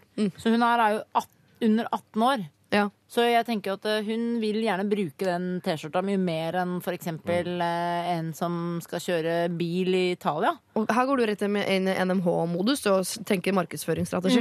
ja. Fordi det er eh, kjempefint. jeg føler at uh, kidsa er mye flinkere på å bruke T-skjorter enn sånne der jenter som 'Å, nå har jeg kjøpt meg en ny ullgenser, så da skal jeg bruke den hele tida'. Sånn. Mens kidsa bare det, Dette er stolthet. Ja. Det merker man jo nå når eh, Peter har vært 20 år, at eh, folk eh, elsker jo de gamle T-skjortene sine og sparer på de, og da er det viktig at, at de under 18 får litt T-skjorter. Så jeg mener scientologjenta skal få den på grunn av På grunn av alder? bruk. Jeg trodde og du ville alder. si at du ville gi T-skjorte til hun som er sammen med han som røyker hasj. ja, Bare for å trøste henne. Ja, det hadde jeg egentlig tenkt. Men, Ja, men da eh, kommer han bare til å lage en bong ut av T-skjorten. Fylle den med røyke gress Ja. og tenne på. Ja, jeg slår et slag for hun som griner, for tårer virker veldig på meg. Ja. Og da blir jeg sånn ah, Legg alt det andre til side. Griner du, jenta mi? Nå må vi ordne opp i det først. Å, det er Skjønner det vi hva jeg jenter mener? veit, vet du. Ja. Når det brukes. Ja, ei ei T-skjorte til den unge jenta er ei T-skjorte mot scientologikirken. enig. Godt poeng. Stempla. Ok, Så da blir det altså en T-skjorte til uh, jente under 18, men far som har forvillet seg inn i scientologikirken. Uh, det er et bitte lite plaster uh, på såret, men eh, det er forhåpentligvis det første i rekken. Tusen takk for at dere kom som rådgiver i dag, og fortsatt gratulerer med dagen. Jeg regner med at dere skal eh, feire også i dag. Det er jo en ukeslang feiring, og vi må jo utnytte tida nå fram og ut uka, ikke sant? Ja, lørdagen har jo bare så vidt begynt. Ikke sant? Asbjørn, eh, Kristoffer og eh, Sigrid, takk for i dag. P3. Fals var det der, og deres bad habit. Eh, Rådgiverne de har eh, gått hjem for eh, i dag for å, å fordrive resten av lørdagen sin et annet sted. Jeg tenkte jeg skulle si til deg at podkasten av dette programmet den ligger klar om noen minutter, vil jeg tro. Så kan du laste den ned og høre den fra starten hvis du skrudde på for seint. Eller hvis det er noe du ikke fikk med deg du vil høre om igjen. Eh, og så må du fortsette å sende inn mailklass. og Da bruker du mailadresse lralfakrøll.nrk.no. Vi eh, er åpne for alt av problematikk, og fortsetter å løse dem da lørdag om eh, en uke. Nå er det straks nyheter, og etter det så er det Radioresepsjonen. Men jeg må jo også få si da, takk til Dr. Jones, tekniker og produsent, som er i dyp konsentrasjon for øyeblikket. Er du med meg? Hallo? Jeg skal bare si at I neste uke så kommer Einar Tørnquist, Erik Solbakken og Line Verdal. Å, Jeg herregud. Å, herregud, jeg gleder meg. Å, herregud, jeg gleder meg. Nå opp mot uh, nyhetene, uh, så får dere høre Røyksopp. Dette her er Poor Lino. P3. Dette er Lørdagsrådet På P3. P3. Hør flere podkaster på nrk.no podkast.